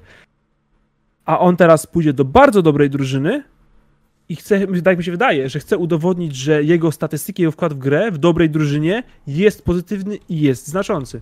Okej. Tylko, że Andre Drummond w tym sezonie ma 17,5 punkta, 13,5 zbiórki na mecz, grając jako starter Cleveland Cavaliers. W Lakersach nie będzie robić takich statystyk. W Lakersach jego podbijanie swojej wartości będzie polegać na, nie wiem, 10-8. Albo teraz, póki nie ma obu, zrobi 20-10, po czym tam ci wrócą. On ograniczy rolę, pokaże, że jest skłonny do poświęceń i wygra mistrzostwo. Na przykład. I czy to nie jest lepsza reklama niż 15-15 i brak playoffów na przykład Knicks? Wiesz, jest, ale później nadejdą, nadejdą playoffy i okaże się, że na przykład Lakersi trafią na, nie wiem, na Denver Nuggets i Drummond będzie grać 5 minut w meczu. Być może tak, być może tak. No to będzie. jak podbijasz swoją wartość, jeśli będziesz grać, jeśli będziesz zawodnikiem, wiesz, z trzeciej formacji? O to mi chodzi. Ale wiesz, chodzi o to, że on nie musi już udow- udowadniać, że stacy może być, bo on mówi, pokazał to już Cleveland w tym sezonie. I co? I tylko jego, właściwie jego notowania spadły. W sensie, Mhm. zobacz, rok temu on poszedł za drugorondowy pik. Za nic poszedł do tego Cleveland. I grał tam chyba nawet lepiej niż Pistons. I znowu nie było wyników i został, i został jego wartość została jeszcze niżej e, jakby wyceniona. I teraz jest, był właściwie warty nic. Zostali wykupiony kontrakt. Mhm. Więc dlatego wydaje mi się, że chciał po prostu wziąć drużynę naprawdę dobrą, żeby, żeby w końcu być w miejscu, które, wiesz, wygrywa, nie? A mm, dlatego, znaczy ja, ten, ja się cieszę z tego ruchu, bo moim zdaniem Lakers mają teraz idealną po prostu rotację rezerwowych podkoszowych. Mają trzech rezerwowych centrów po prostu. Tak, no oni I mają, o to te- chodzi. oni mają teraz podkoszowych do wszystkiego, tylko wiesz, ja jeszcze chcę zatrzymać się przy tej sytuacji Andre Dramonda. Troszkę to zabawnie wygląda, bo wiadomo, czasem musisz zrobić krok w tył, żeby później móc pójść do przodu. Ale to zabawnie wygląda, jeśli robisz krok w tył, dołączając do ekipy, która idzie po mistrzostwo. Bo to No jest dobra, tak, ale to- jakbyś nie okej. robił kroku w tył. Okej, w takim razie kogo według ciebie powinien Dramond wybrać najlepiej dla siebie, jeśli nie Lakers? Tego nie wiem. Tego No nie wiem, właśnie bo. Tego nie wiem, bo to jest ten problem właśnie z, z Dramondem, że to jest oldschoolowy center i ten, wokół takich zawodników się już nie buduje drużyn. No chyba, że jest to Utah Jazz. Tak, ale wiesz, y, on będzie grał po 10 minut w playoffach. Bo o to chodzi. On będzie grał 12, Harrell będzie grał 12, Gaso będzie grał 12, a 12 na centrze będzie grał Anthony Davis w najlepszym line-upie, bo najlepszy line-up Lakers Mhm. na koniec w playoffach wydaje mi się, że nie będzie na boisku ani Gasola, ani Harrella, ani Dramonda. I o to chodzi i to jest super. No dobra, okej. No super jest na pewno to, że mają całkowicie Ale rzeczywiście może na uniwersalną tym- ławkę podkoszowych. Tylko tak, wiesz, ale rzeczywiście ja, Dramond może tym stracić. To prawda, zgadzam się z tobą tutaj znaczy, wiesz, absolutnie. Mi chodzi tylko o to, ja wiem, że Dramond jest dobrym fitem dla Lakersów, bo daje im właśnie tą uniwersalność i mają, mają podkoszowych na każdą możliwą okazję. Tylko wiesz, mówimy o gościu, który robił tutaj przekozackie statystyki, który był najważniejszym zawodnikiem kiepskiej drużyny, a w tym momencie idzie być gościem na 10 minut. I tylko o to mi chodzi, że wiesz, zastanawiam się, czy to jest na pewno właściwy kierunek, czy on przypadkiem, e, wiesz, z gościa, który bądź co bądź jeszcze całkiem niedawno był All-Starem, nagle zostanie traktowany jak kolejny Javal McGee. Wiesz, o co mi chodzi? Mhm. Tak, no ale wiesz, na przykład jeśli alternatywą na przykład byli Celtics i poszedł do Celtics, robił 15-15, odpadli w pierwszej rundzie, to już w ogóle wszyscy powiedzieli, Andre Drummond wy, wypadł z ligi, w ogóle już nic nie znaczysz, nie? Mhm. W sensie, wydaje mi się, że po prostu zmaksymalizował swoje szanse na ten pierścień. W sumie, wiesz, zawsze to pierścień to jest jakaś wartość też. No tak. Eee, no i właśnie nawet pokazanie, że okej, może powinienem grać mniej, ale potrafię, wiesz, w wygrywającej drużynie mieć też pozytywny wpływ. To był trudny wybór, myślę, że i, i może, może dużo stracić pod kątem swojej wartości, tak jak mówisz, zgadzam się z tobą, ale zdecydowanie bardziej rozumiem ten wybór niż dla Markusa Aldridge'a, który właściwie co robi innego niż Blake Griffin? Oni obaj nie mogą grać, a jeśli jest tam Blake Griffin, czemu w ogóle, czemu Lamarcus w ogóle miałby tam grać? Co ma, co ma tam robić niby Lamarcus Aldridge? Bo w hit bardzo łatwo mogę sobie wyobrazić. Ma wskoczyć w buty Kalego Olinika, przynajmniej w, pewnym, pe, wiesz, w pewnej części, Mhm. rozciągać grę z pozycji centra, a w, a, w, a w Brooklynie co ma robić? Kim ma być tam Lamarcus Aldridge? Po co on tam poszedł? Nie rozumiem tego w ogóle. Ja to chciałem tylko sprawdzić sobie pewne statystyki. Mm, A jeszcze chciałem statystyki, a propos statystyk. E, No. I a propos wartości Lamarcusa Aldridge'a. Bo to też właśnie to gadanie o Lamarcus Aldridge. Lamarcus Aldridge to jest ruch, który ma mniejsze znaczenie e, niż niż PJ George Tucker w Milwaukee. I, i George Hill w Filadelfii. Tak, ale to, Czytam jest, ale to jest nazwisko, to jest Lamarcus Aldridge. Na Tak. przykład dzisiaj, dzisiaj czytałem, e, przepraszam, tylko jeszcze się wtrącę tobie, dzisiaj czytałem bardzo ciekawą wypowiedź Blake'a Griffina na temat tego, że jaki to się szum zrobił, że on wybrał Brooklyn Nets i Blake Griffin powiedział, kurde, o co chodzi? Przez ostatnie dwa lata cały czas słyszałem, że jestem beznadziejny, nie umiem grać, nie umiem biegać i w ogóle, żebym kończył karierę. Nagle wybieram ofertę Brooklyn Nets i wszyscy mówią, o Boże, on poszedł na łatwiznę, to ekipa All-Starów. Wiesz, coś tu nie gra, nie? I wydaje, tak, mi się, no- że, wydaje mi się, że reakcja wokół, y, wybo, wokół wyboru Lamarcusa Aldridge'a jest dokładnie to samo. Mamy do czynienia z przebrzmiałą gwiazdą, która już Mamy do czynienia oferuje z... 25% tego, co kiedyś. To wciąż jest dużo, No. no, bo doświadczenie jest w stanie zrobić czy ogromną robotę, ale to nie jest żaden game changer, nie?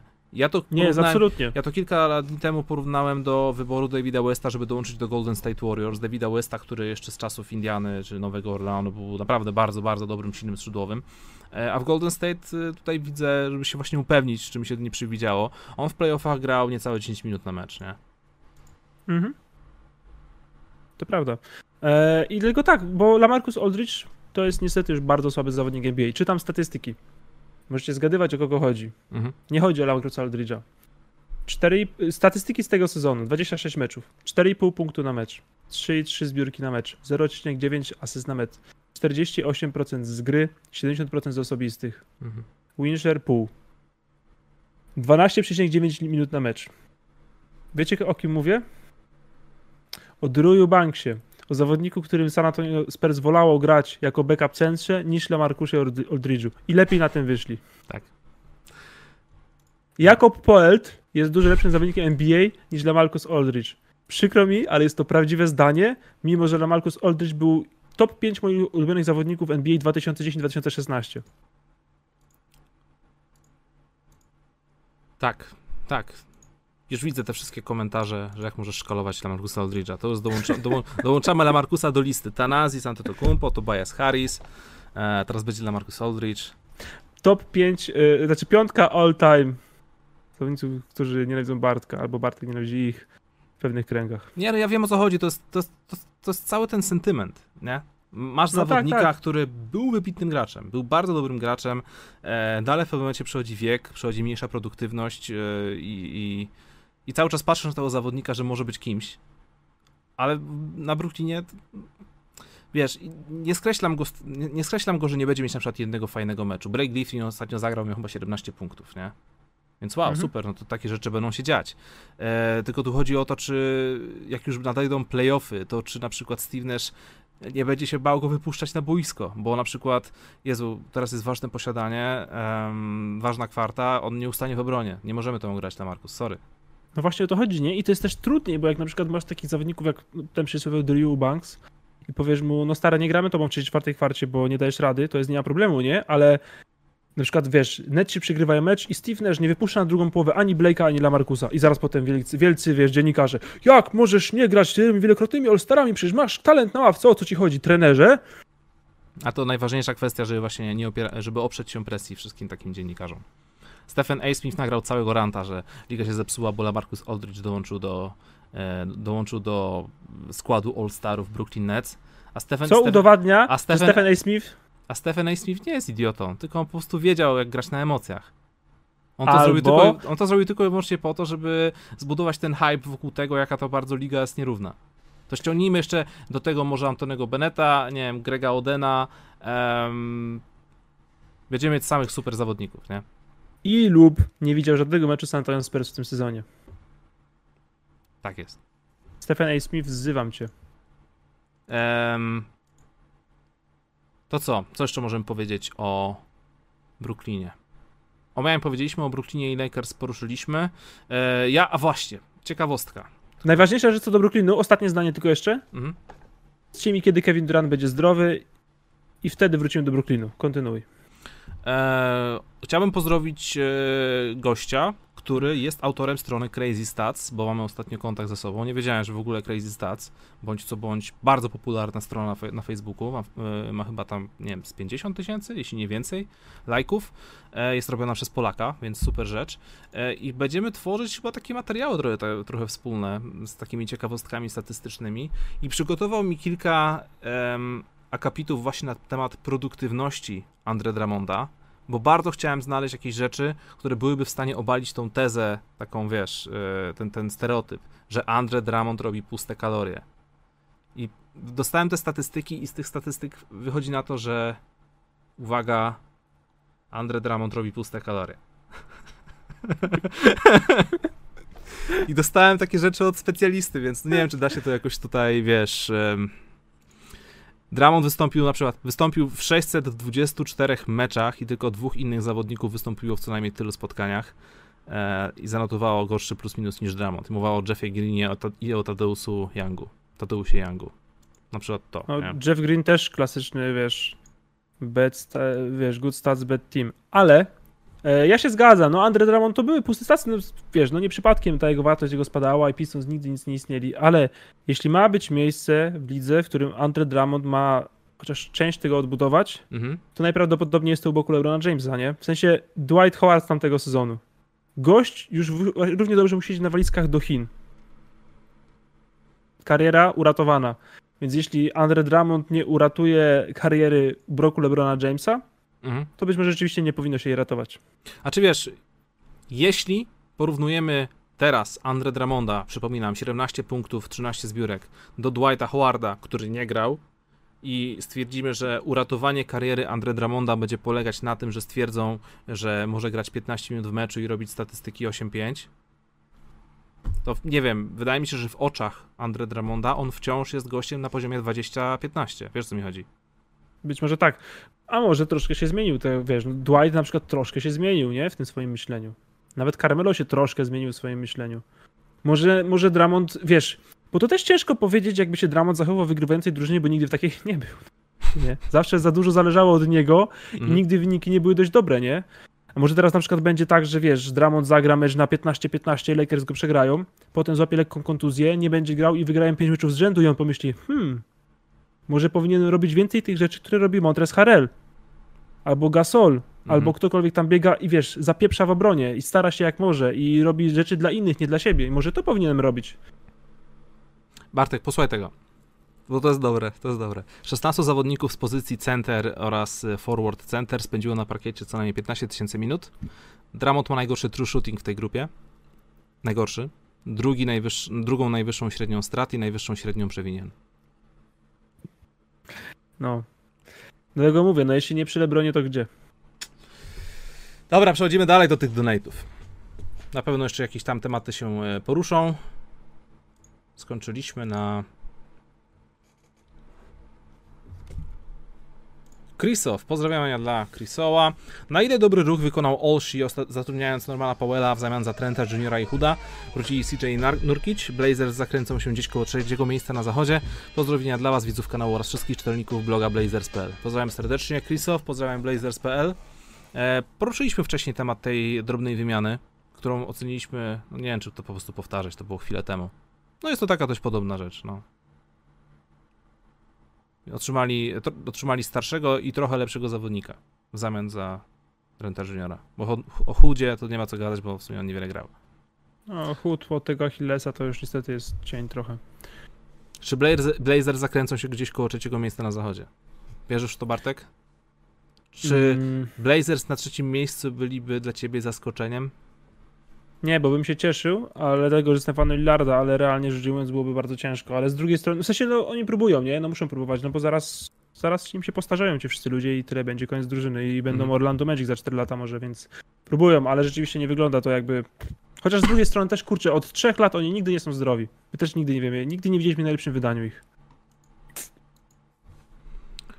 No nic, zobaczymy. Eee... Lecę dalej. Portland wygrywa z Utah Jazz w drugiej rundzie, to by było coś. No, kontynuuj. Po, gdyby Portland wygrało z Utah w drugiej rundzie, mm? czy czułbyś wtedy zaskoczenie, Bartek?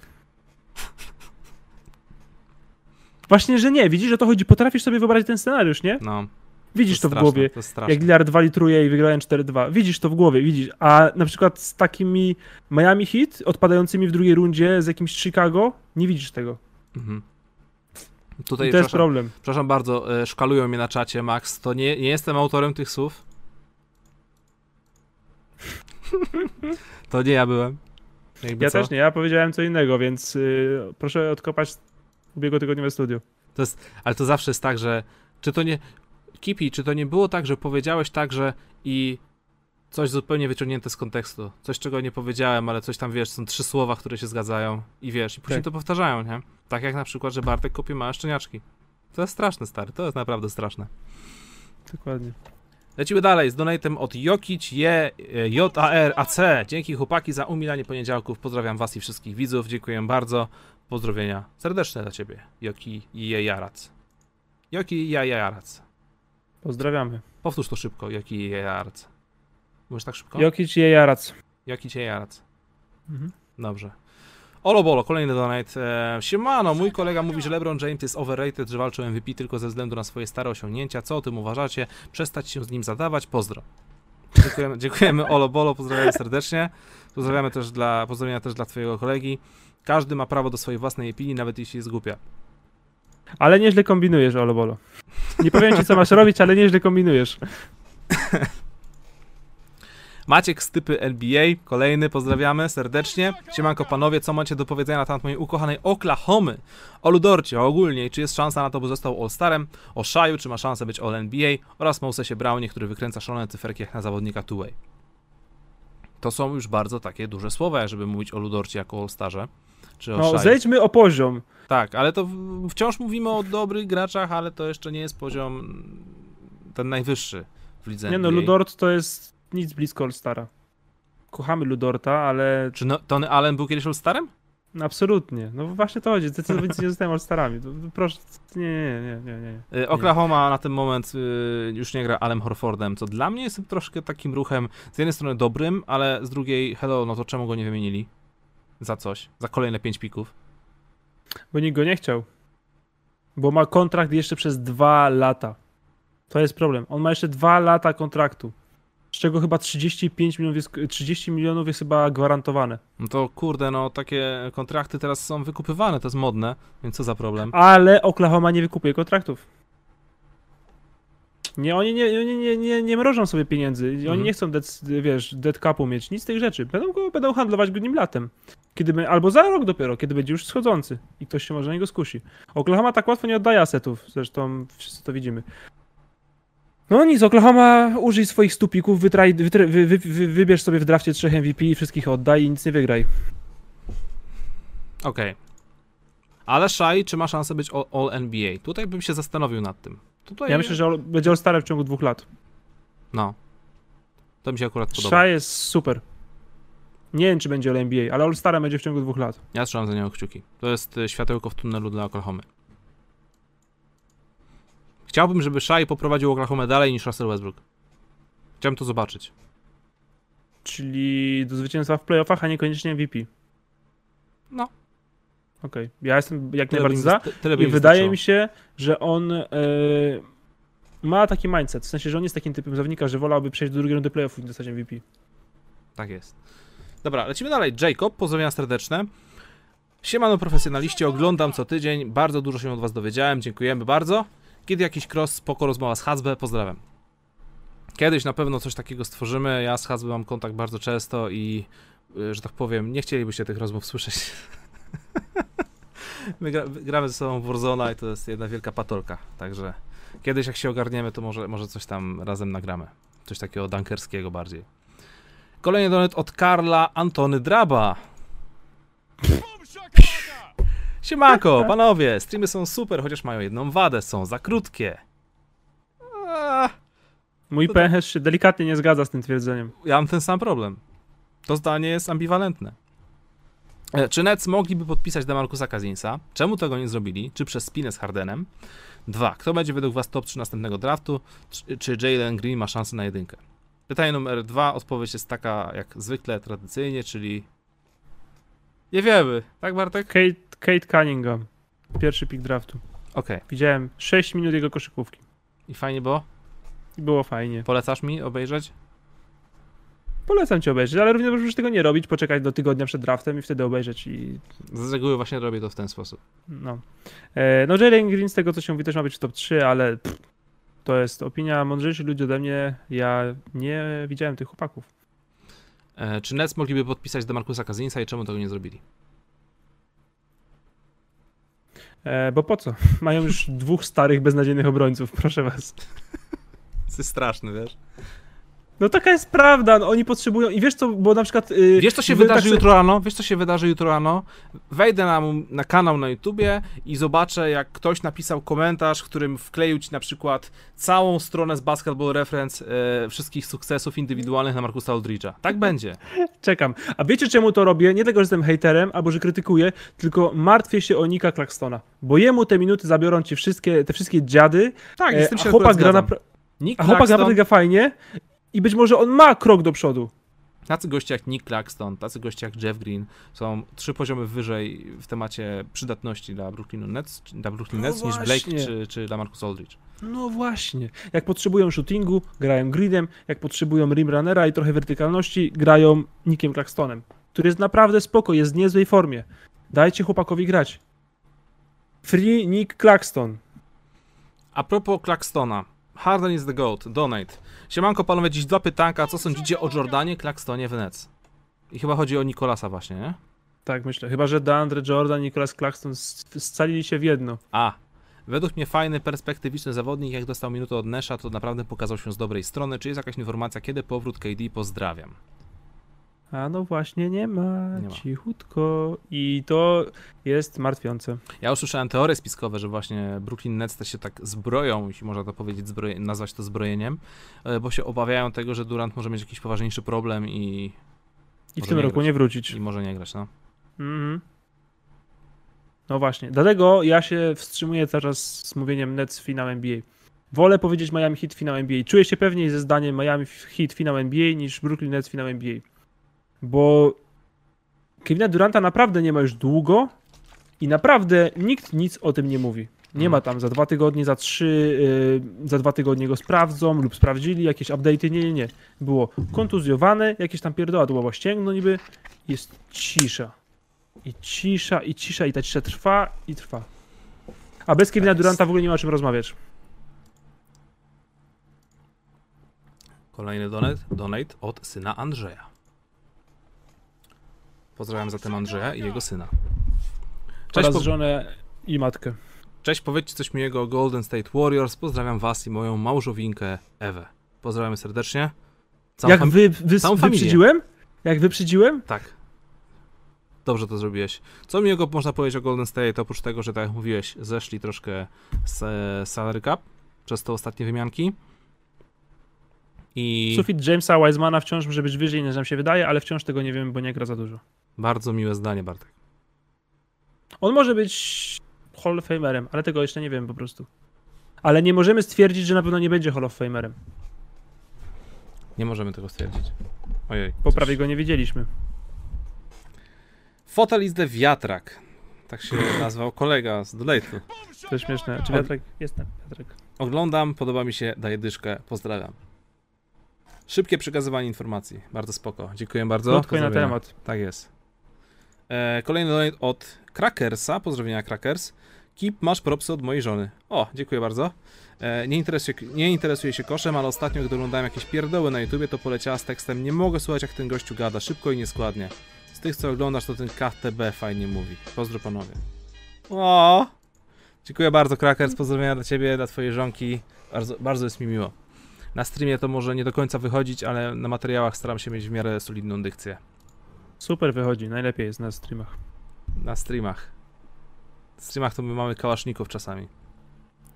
Ale jaki profesjonalny. A propos profesjonalizmu, Matołek is the goat.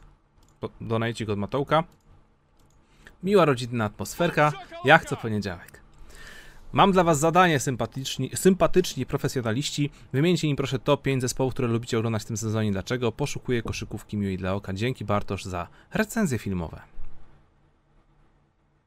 Właśnie, masz jakieś nowe? E, nie, bo oglądam ten y, dokument. A, okej, no tak. A nie, nie, nie Nie, się tak miksować? E, tak, ale to z innymi serialami, o których jesteśmy w trakcie, więc nie, nie widziałem za bardzo nic nowego, ale w takim razie postaram się mieć coś za tydzień. Okej. Jakie jest twoje top 5 zespołów, które lubisz oglądać w tym sezonie? Indiana Pacers. Nic się nie zmienia. Indiana Pacers, bo nikt jej nie ogląda i mogę o nich mówić co chce, a i tak nikt tego nie sprawdza. Mhm. Phoenix Suns, jeśli chcecie porządną, fajną koszykówkę. San Antonio Spurs, mimo że Łukasz się nie zgadza. Nie wymieniam tych najlepszych, nie? Bo jak ktoś ma, wiadomo, 15 zwycięstw z rzędu, to nie, nuda, nie każdy to widzi. Mhm. Tylko takie nieoczywiste. Charlotte Hornets z Lamelobolem, ale to się już skończyło. Mhm. Niestety. RIP. Eee, no i jeśli ktoś potrzebuje fanu indywidualnego, no to zawsze Dallas albo Denver, ale ja bym wolał odpalić Memphis. Jamorant is the GOAT. Nie lubisz oglądać Brooklynu? Eee, to, jest, to jest świetny w ogóle temat. Ja, Y, już- ja, ja, ja lubię sobie czasem załączyć, Tak, żeby zobaczyć, ale jakie cuda kurczę. wyczynia Kyrie Irving. Albo jak, y, jakie właśnie y, uruchamia swoje wcielenie rozgrywającego James Harden, to jest coś takiego Tylko wiesz, że jak Harden uspala swoje, y, odpala swojego rozgrywającego i na przykład Kyrie nie gra, to to jest prawie to samo, co grało Houston, które tak krytykowaliśmy, o Jezu, Houston, tego się nie da oglądać, wolno, jeden gość klepie, ple, ple, ple. I to jest to samo teraz i wszyscy mówimy, o, Neci, Jezus Maria, finał Mistrzostwo Boże, Kyrie i ten Harden by MVP, gdyby nie te pierwsze mecze, Jezus Maria. To samo, jak się nie lubiłeś Houston, nie zasługujesz na Nets. A propos Houston. Nie powiedzieliśmy o nich ani słowa i zastanawiam się, czy to dlatego, że zapomnieliśmy, czy dlatego, że chcieliśmy ich e, e, owinąć zasłoną milczenia. Bo jak to e... jest? James Harden został wymieniony, ostatecznie jakby to patrzeć w ten sposób, za Avery Bradley'a, Kelly'ego Olinika, Dante Exuma, Rodionsa Kuruxa i trzy piki. Za superstara Jamesa Hardena MVP. I Dramat. To jest, to jest, to jest, to jest, to, jest, to jest kradzież, to jest kradzież, tylko to jest tak jakby ci się włamywacz y, wszedł na chata, a ktoś powiedział, pokazał mu gdzie co jest. I to Dramat. jest straszne. To jest Ta wymiana, straszne. to już widziałem właśnie ten na Twitterze ten tag i no na razie tak to wygląda. Oczywiście zobaczymy co z tych pików będzie, ale Yy, najgorsza wymiana w historii NBA, jeśli chodzi o wymianę superstara i co to zawodników, których dostałeś. Mhm. Wiesz, to Dramat! Trzy, trzy, piki w pierwszej rundzie, cztery słapy, to jest, to jest zawsze coś, nie? Na przyszłość, ale no... Nie wiem, ja bym to pochwalił, gdyby ta wymiana poszła, nie wiem... Kurczę, za zawodnika kilka poziomów niżej, a nie na top 5 ligi. Stary, dostali trzy piki, które być może będą żałosne i zawodników, których już nie mają. Zobacz, co dostali Pelicans za Davisa. Dostali tyle samo pików lub słapów praktycznie. Mhm. Dostali Ingrama, który jest All-Starem, Josh Hart, najlepiej zbierający guard rezerwowy free and gracz, Lonzo Ball, o którego się teraz 3-4 drużyny zabijały w ogóle, top 30 rozgrywających w lidze i te piki. Słabe piki, to tyle samo słabych pików dostaną Pelicans za Drew Holiday'a. Bo to też będą trzy słabe piki. Rozwiązać Houston. Dramat. Przykro mi Houston. I powinniśmy chyba po prostu ogłosić ban. Nie będziemy mówić o Houston, dopóki nie będą gorsi niż Minnesota.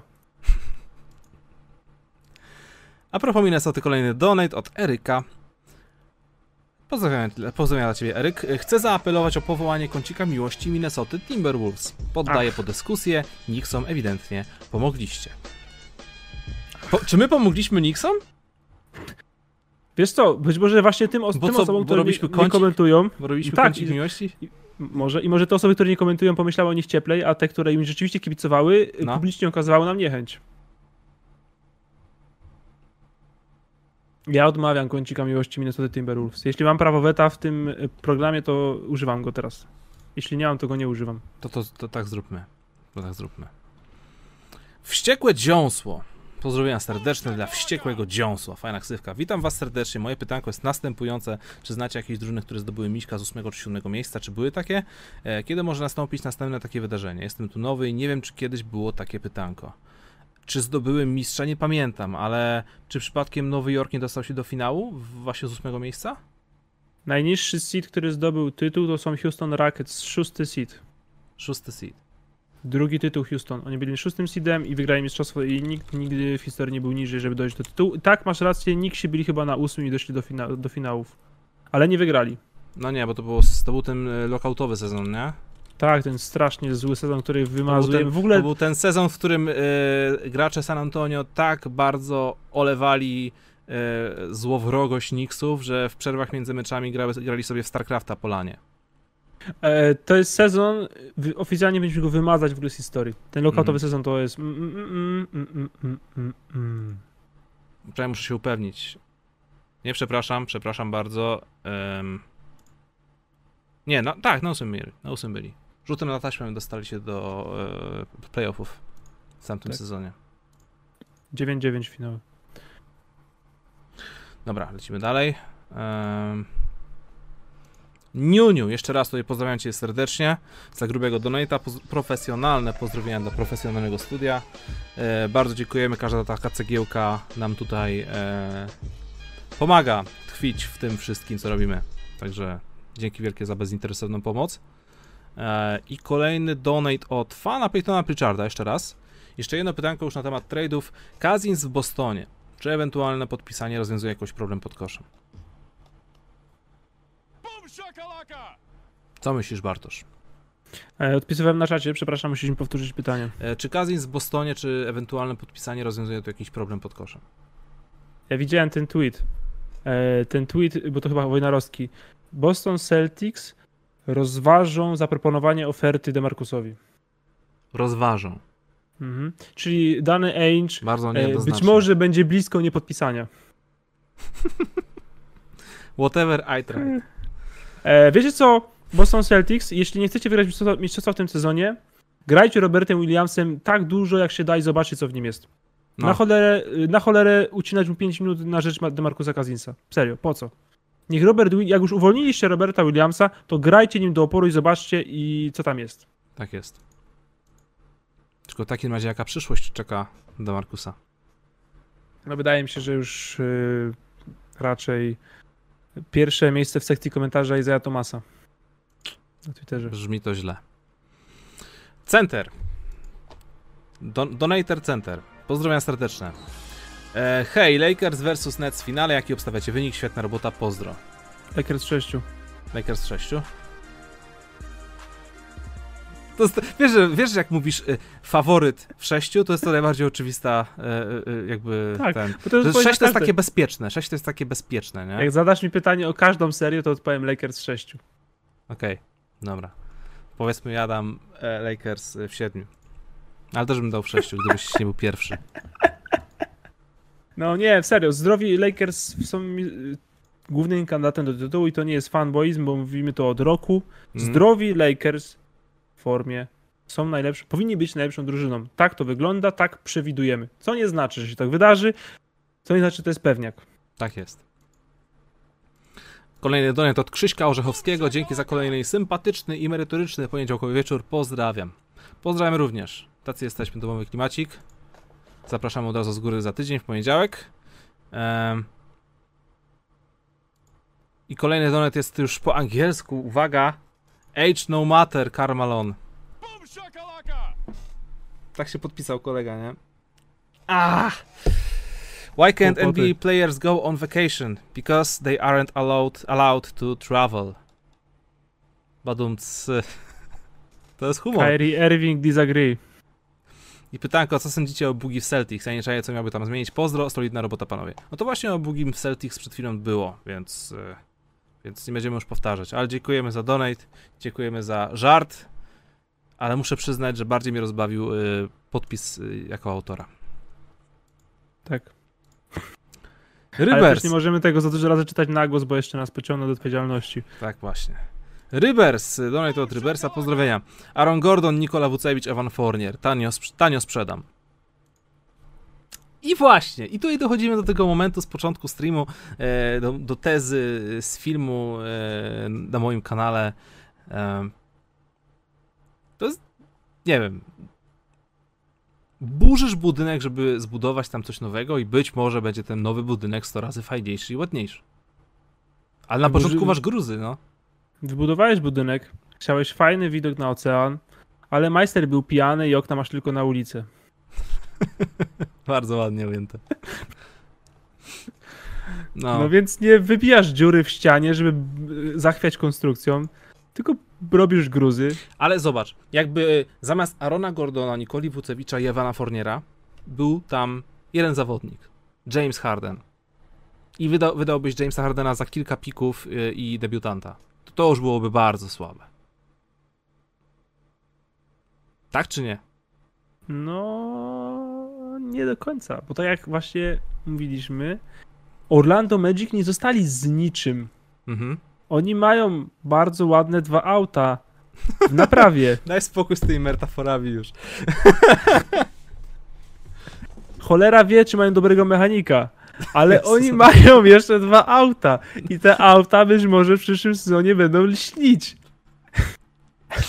Napijmy się wody, moi drodzy. To jest bardzo długi stream, który trwa już dwie godziny, a to jeszcze nie koniec. No, ale widzę, że już nie tylko nam się udziela, ponieważ Aleksander Ten myśli, że Lakers odpadną w Portland w playoffach, więc No. Ale wątpię. Co, co sezon się mówi, że Portland pojadą Lakersów, bo Damian Lillard to jest Lakers killer, ale to nie wychodzi w playoffach. That's true. E, jedynak, kolejny donate. Mielski, jego płyta to mega sztos. Co sądzisz o nawiązaniu do Jokicia? PS, Maria, uśmiechnij się. Dziękuję wielkie jedynak za donate, pozdrowienia. E, a jeśli chodzi o nawiązanie do Jokicia, to jeszcze go nie wychwyciłem. Ajajajajaj. Mm. Ale Mario uśmiechnij się, to prawda. Ja to zawsze mam taki. To, to jest problem, nie problem z rapem. Nie wiem, jak to ująć. Mm. Jak słucham rapu, to y, y, nie wiem, bardziej chyba interesuję się warstwą muzyczną i techniczną niż, niż liryczną. Jakby dopiero po kilku odsłuchach kawałka, dopiero wtedy zaczynam się wsłuchiwać w tekst i wyłapywać znaczenie. A z faktu, że jeszcze nie przesłuchałem tego albumu aż tak bardzo mocno, żeby właśnie wyłapywać te, te teksty, to, to, to, to nie wyłapałem tego jakiś. Słucha się albumów, inaczej się słucha, jak szukasz w tekście czegoś, a inaczej jak chcesz po prostu sobie posłuchać muzyki. Dokładnie. Techniki, głosu, flow i tak dalej, no. Tak jest. Czat kocha nasze metafory. Twoje. O Już wielkim nasze. budynku wybudowanym na plaży, który nie ma okna w stronę morza. To jest stary. To jest piękne, to jest romantyzm. Romantyzm koszykarski. Dziękuję. Ale bardziej dumny byłem z kurczaka, który wbiegł na, s- s- s- na skocznię narciarską. Tak jest. Okej, lecimy dalej. Marek Całka, pozdrowienia. E, hej, jestem fanem NBA 10.5, wina Jordana. Trochę mnie znudziły lata LeBrona w hit i mistrzostwa Golden State, ale wasze studia na nowo rozpaliło good do NBA. Jak oceniacie trade Bulls?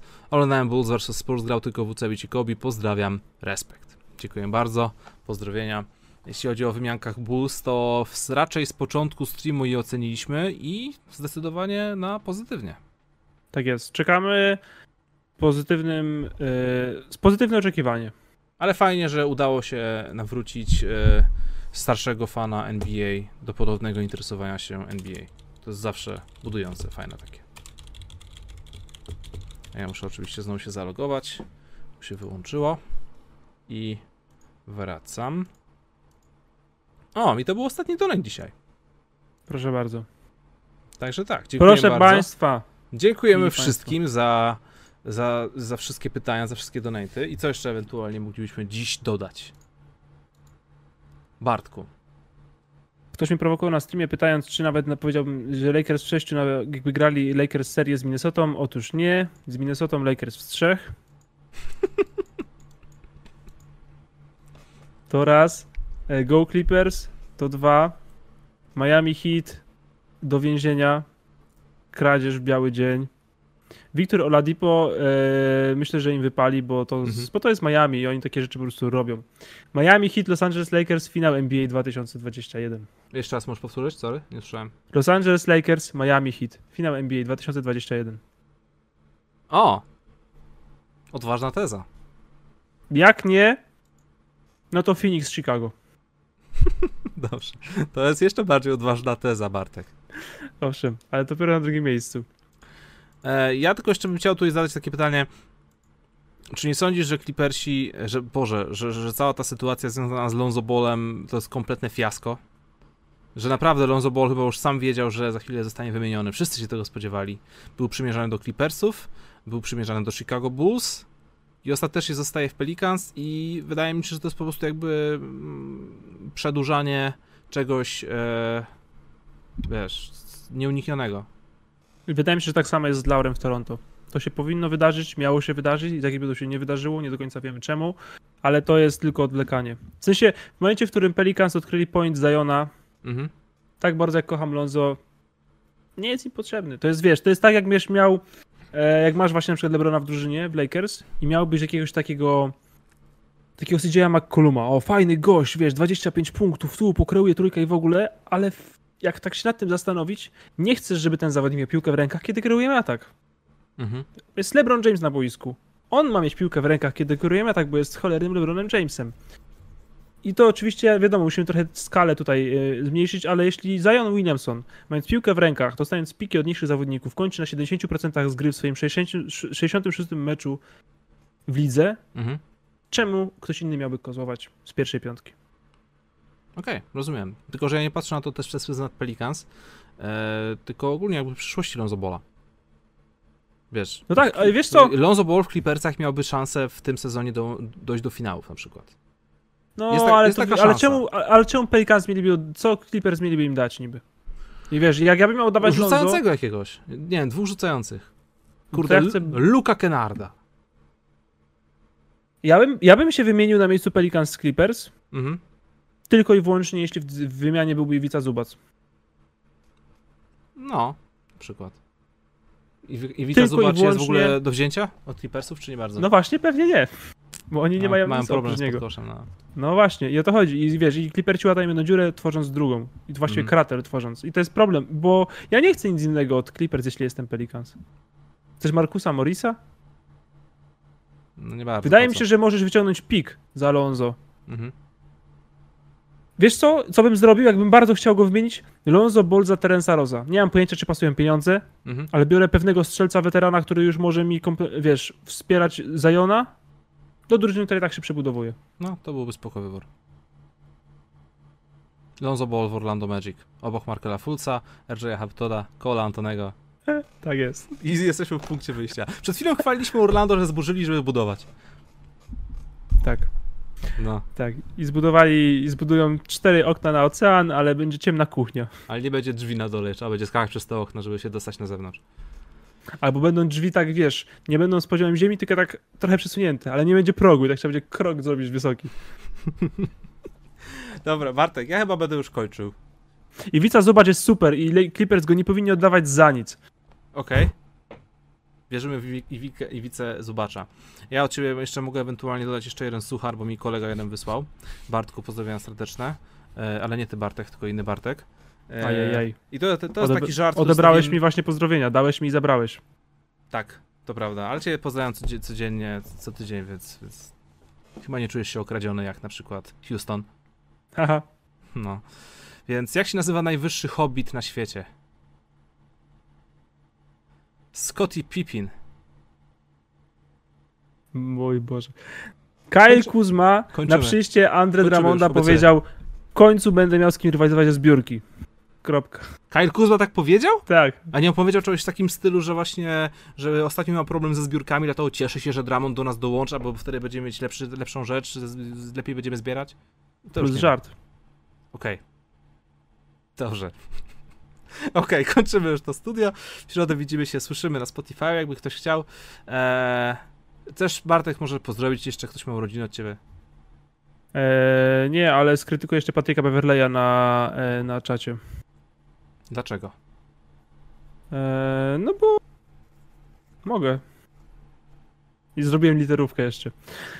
Dobra, idziemy dalej, kończymy. Dobra, dzięki, jesteście super, bardzo dziękujemy za te ponad dwie godzinki dziś. Mam nadzieję, że się fajnie bawiliście. I słyszymy się, widzimy się za tydzień, jak w każdy poniedziałek o godzinie 20.30. To było profesjonalne studio NBA. Bartosz Drab i ja, jestem Łukasz. Łukasz Wonder. Bądźcie z nami, ponieważ zazwyczaj warto. Bądźcie zdrowi. Go Clippers. Go Houston! Go Houston! Jeszcze tylko dwa zwycięstwa za dużo macie. Go Minnesota, na przedostatnie miejsce.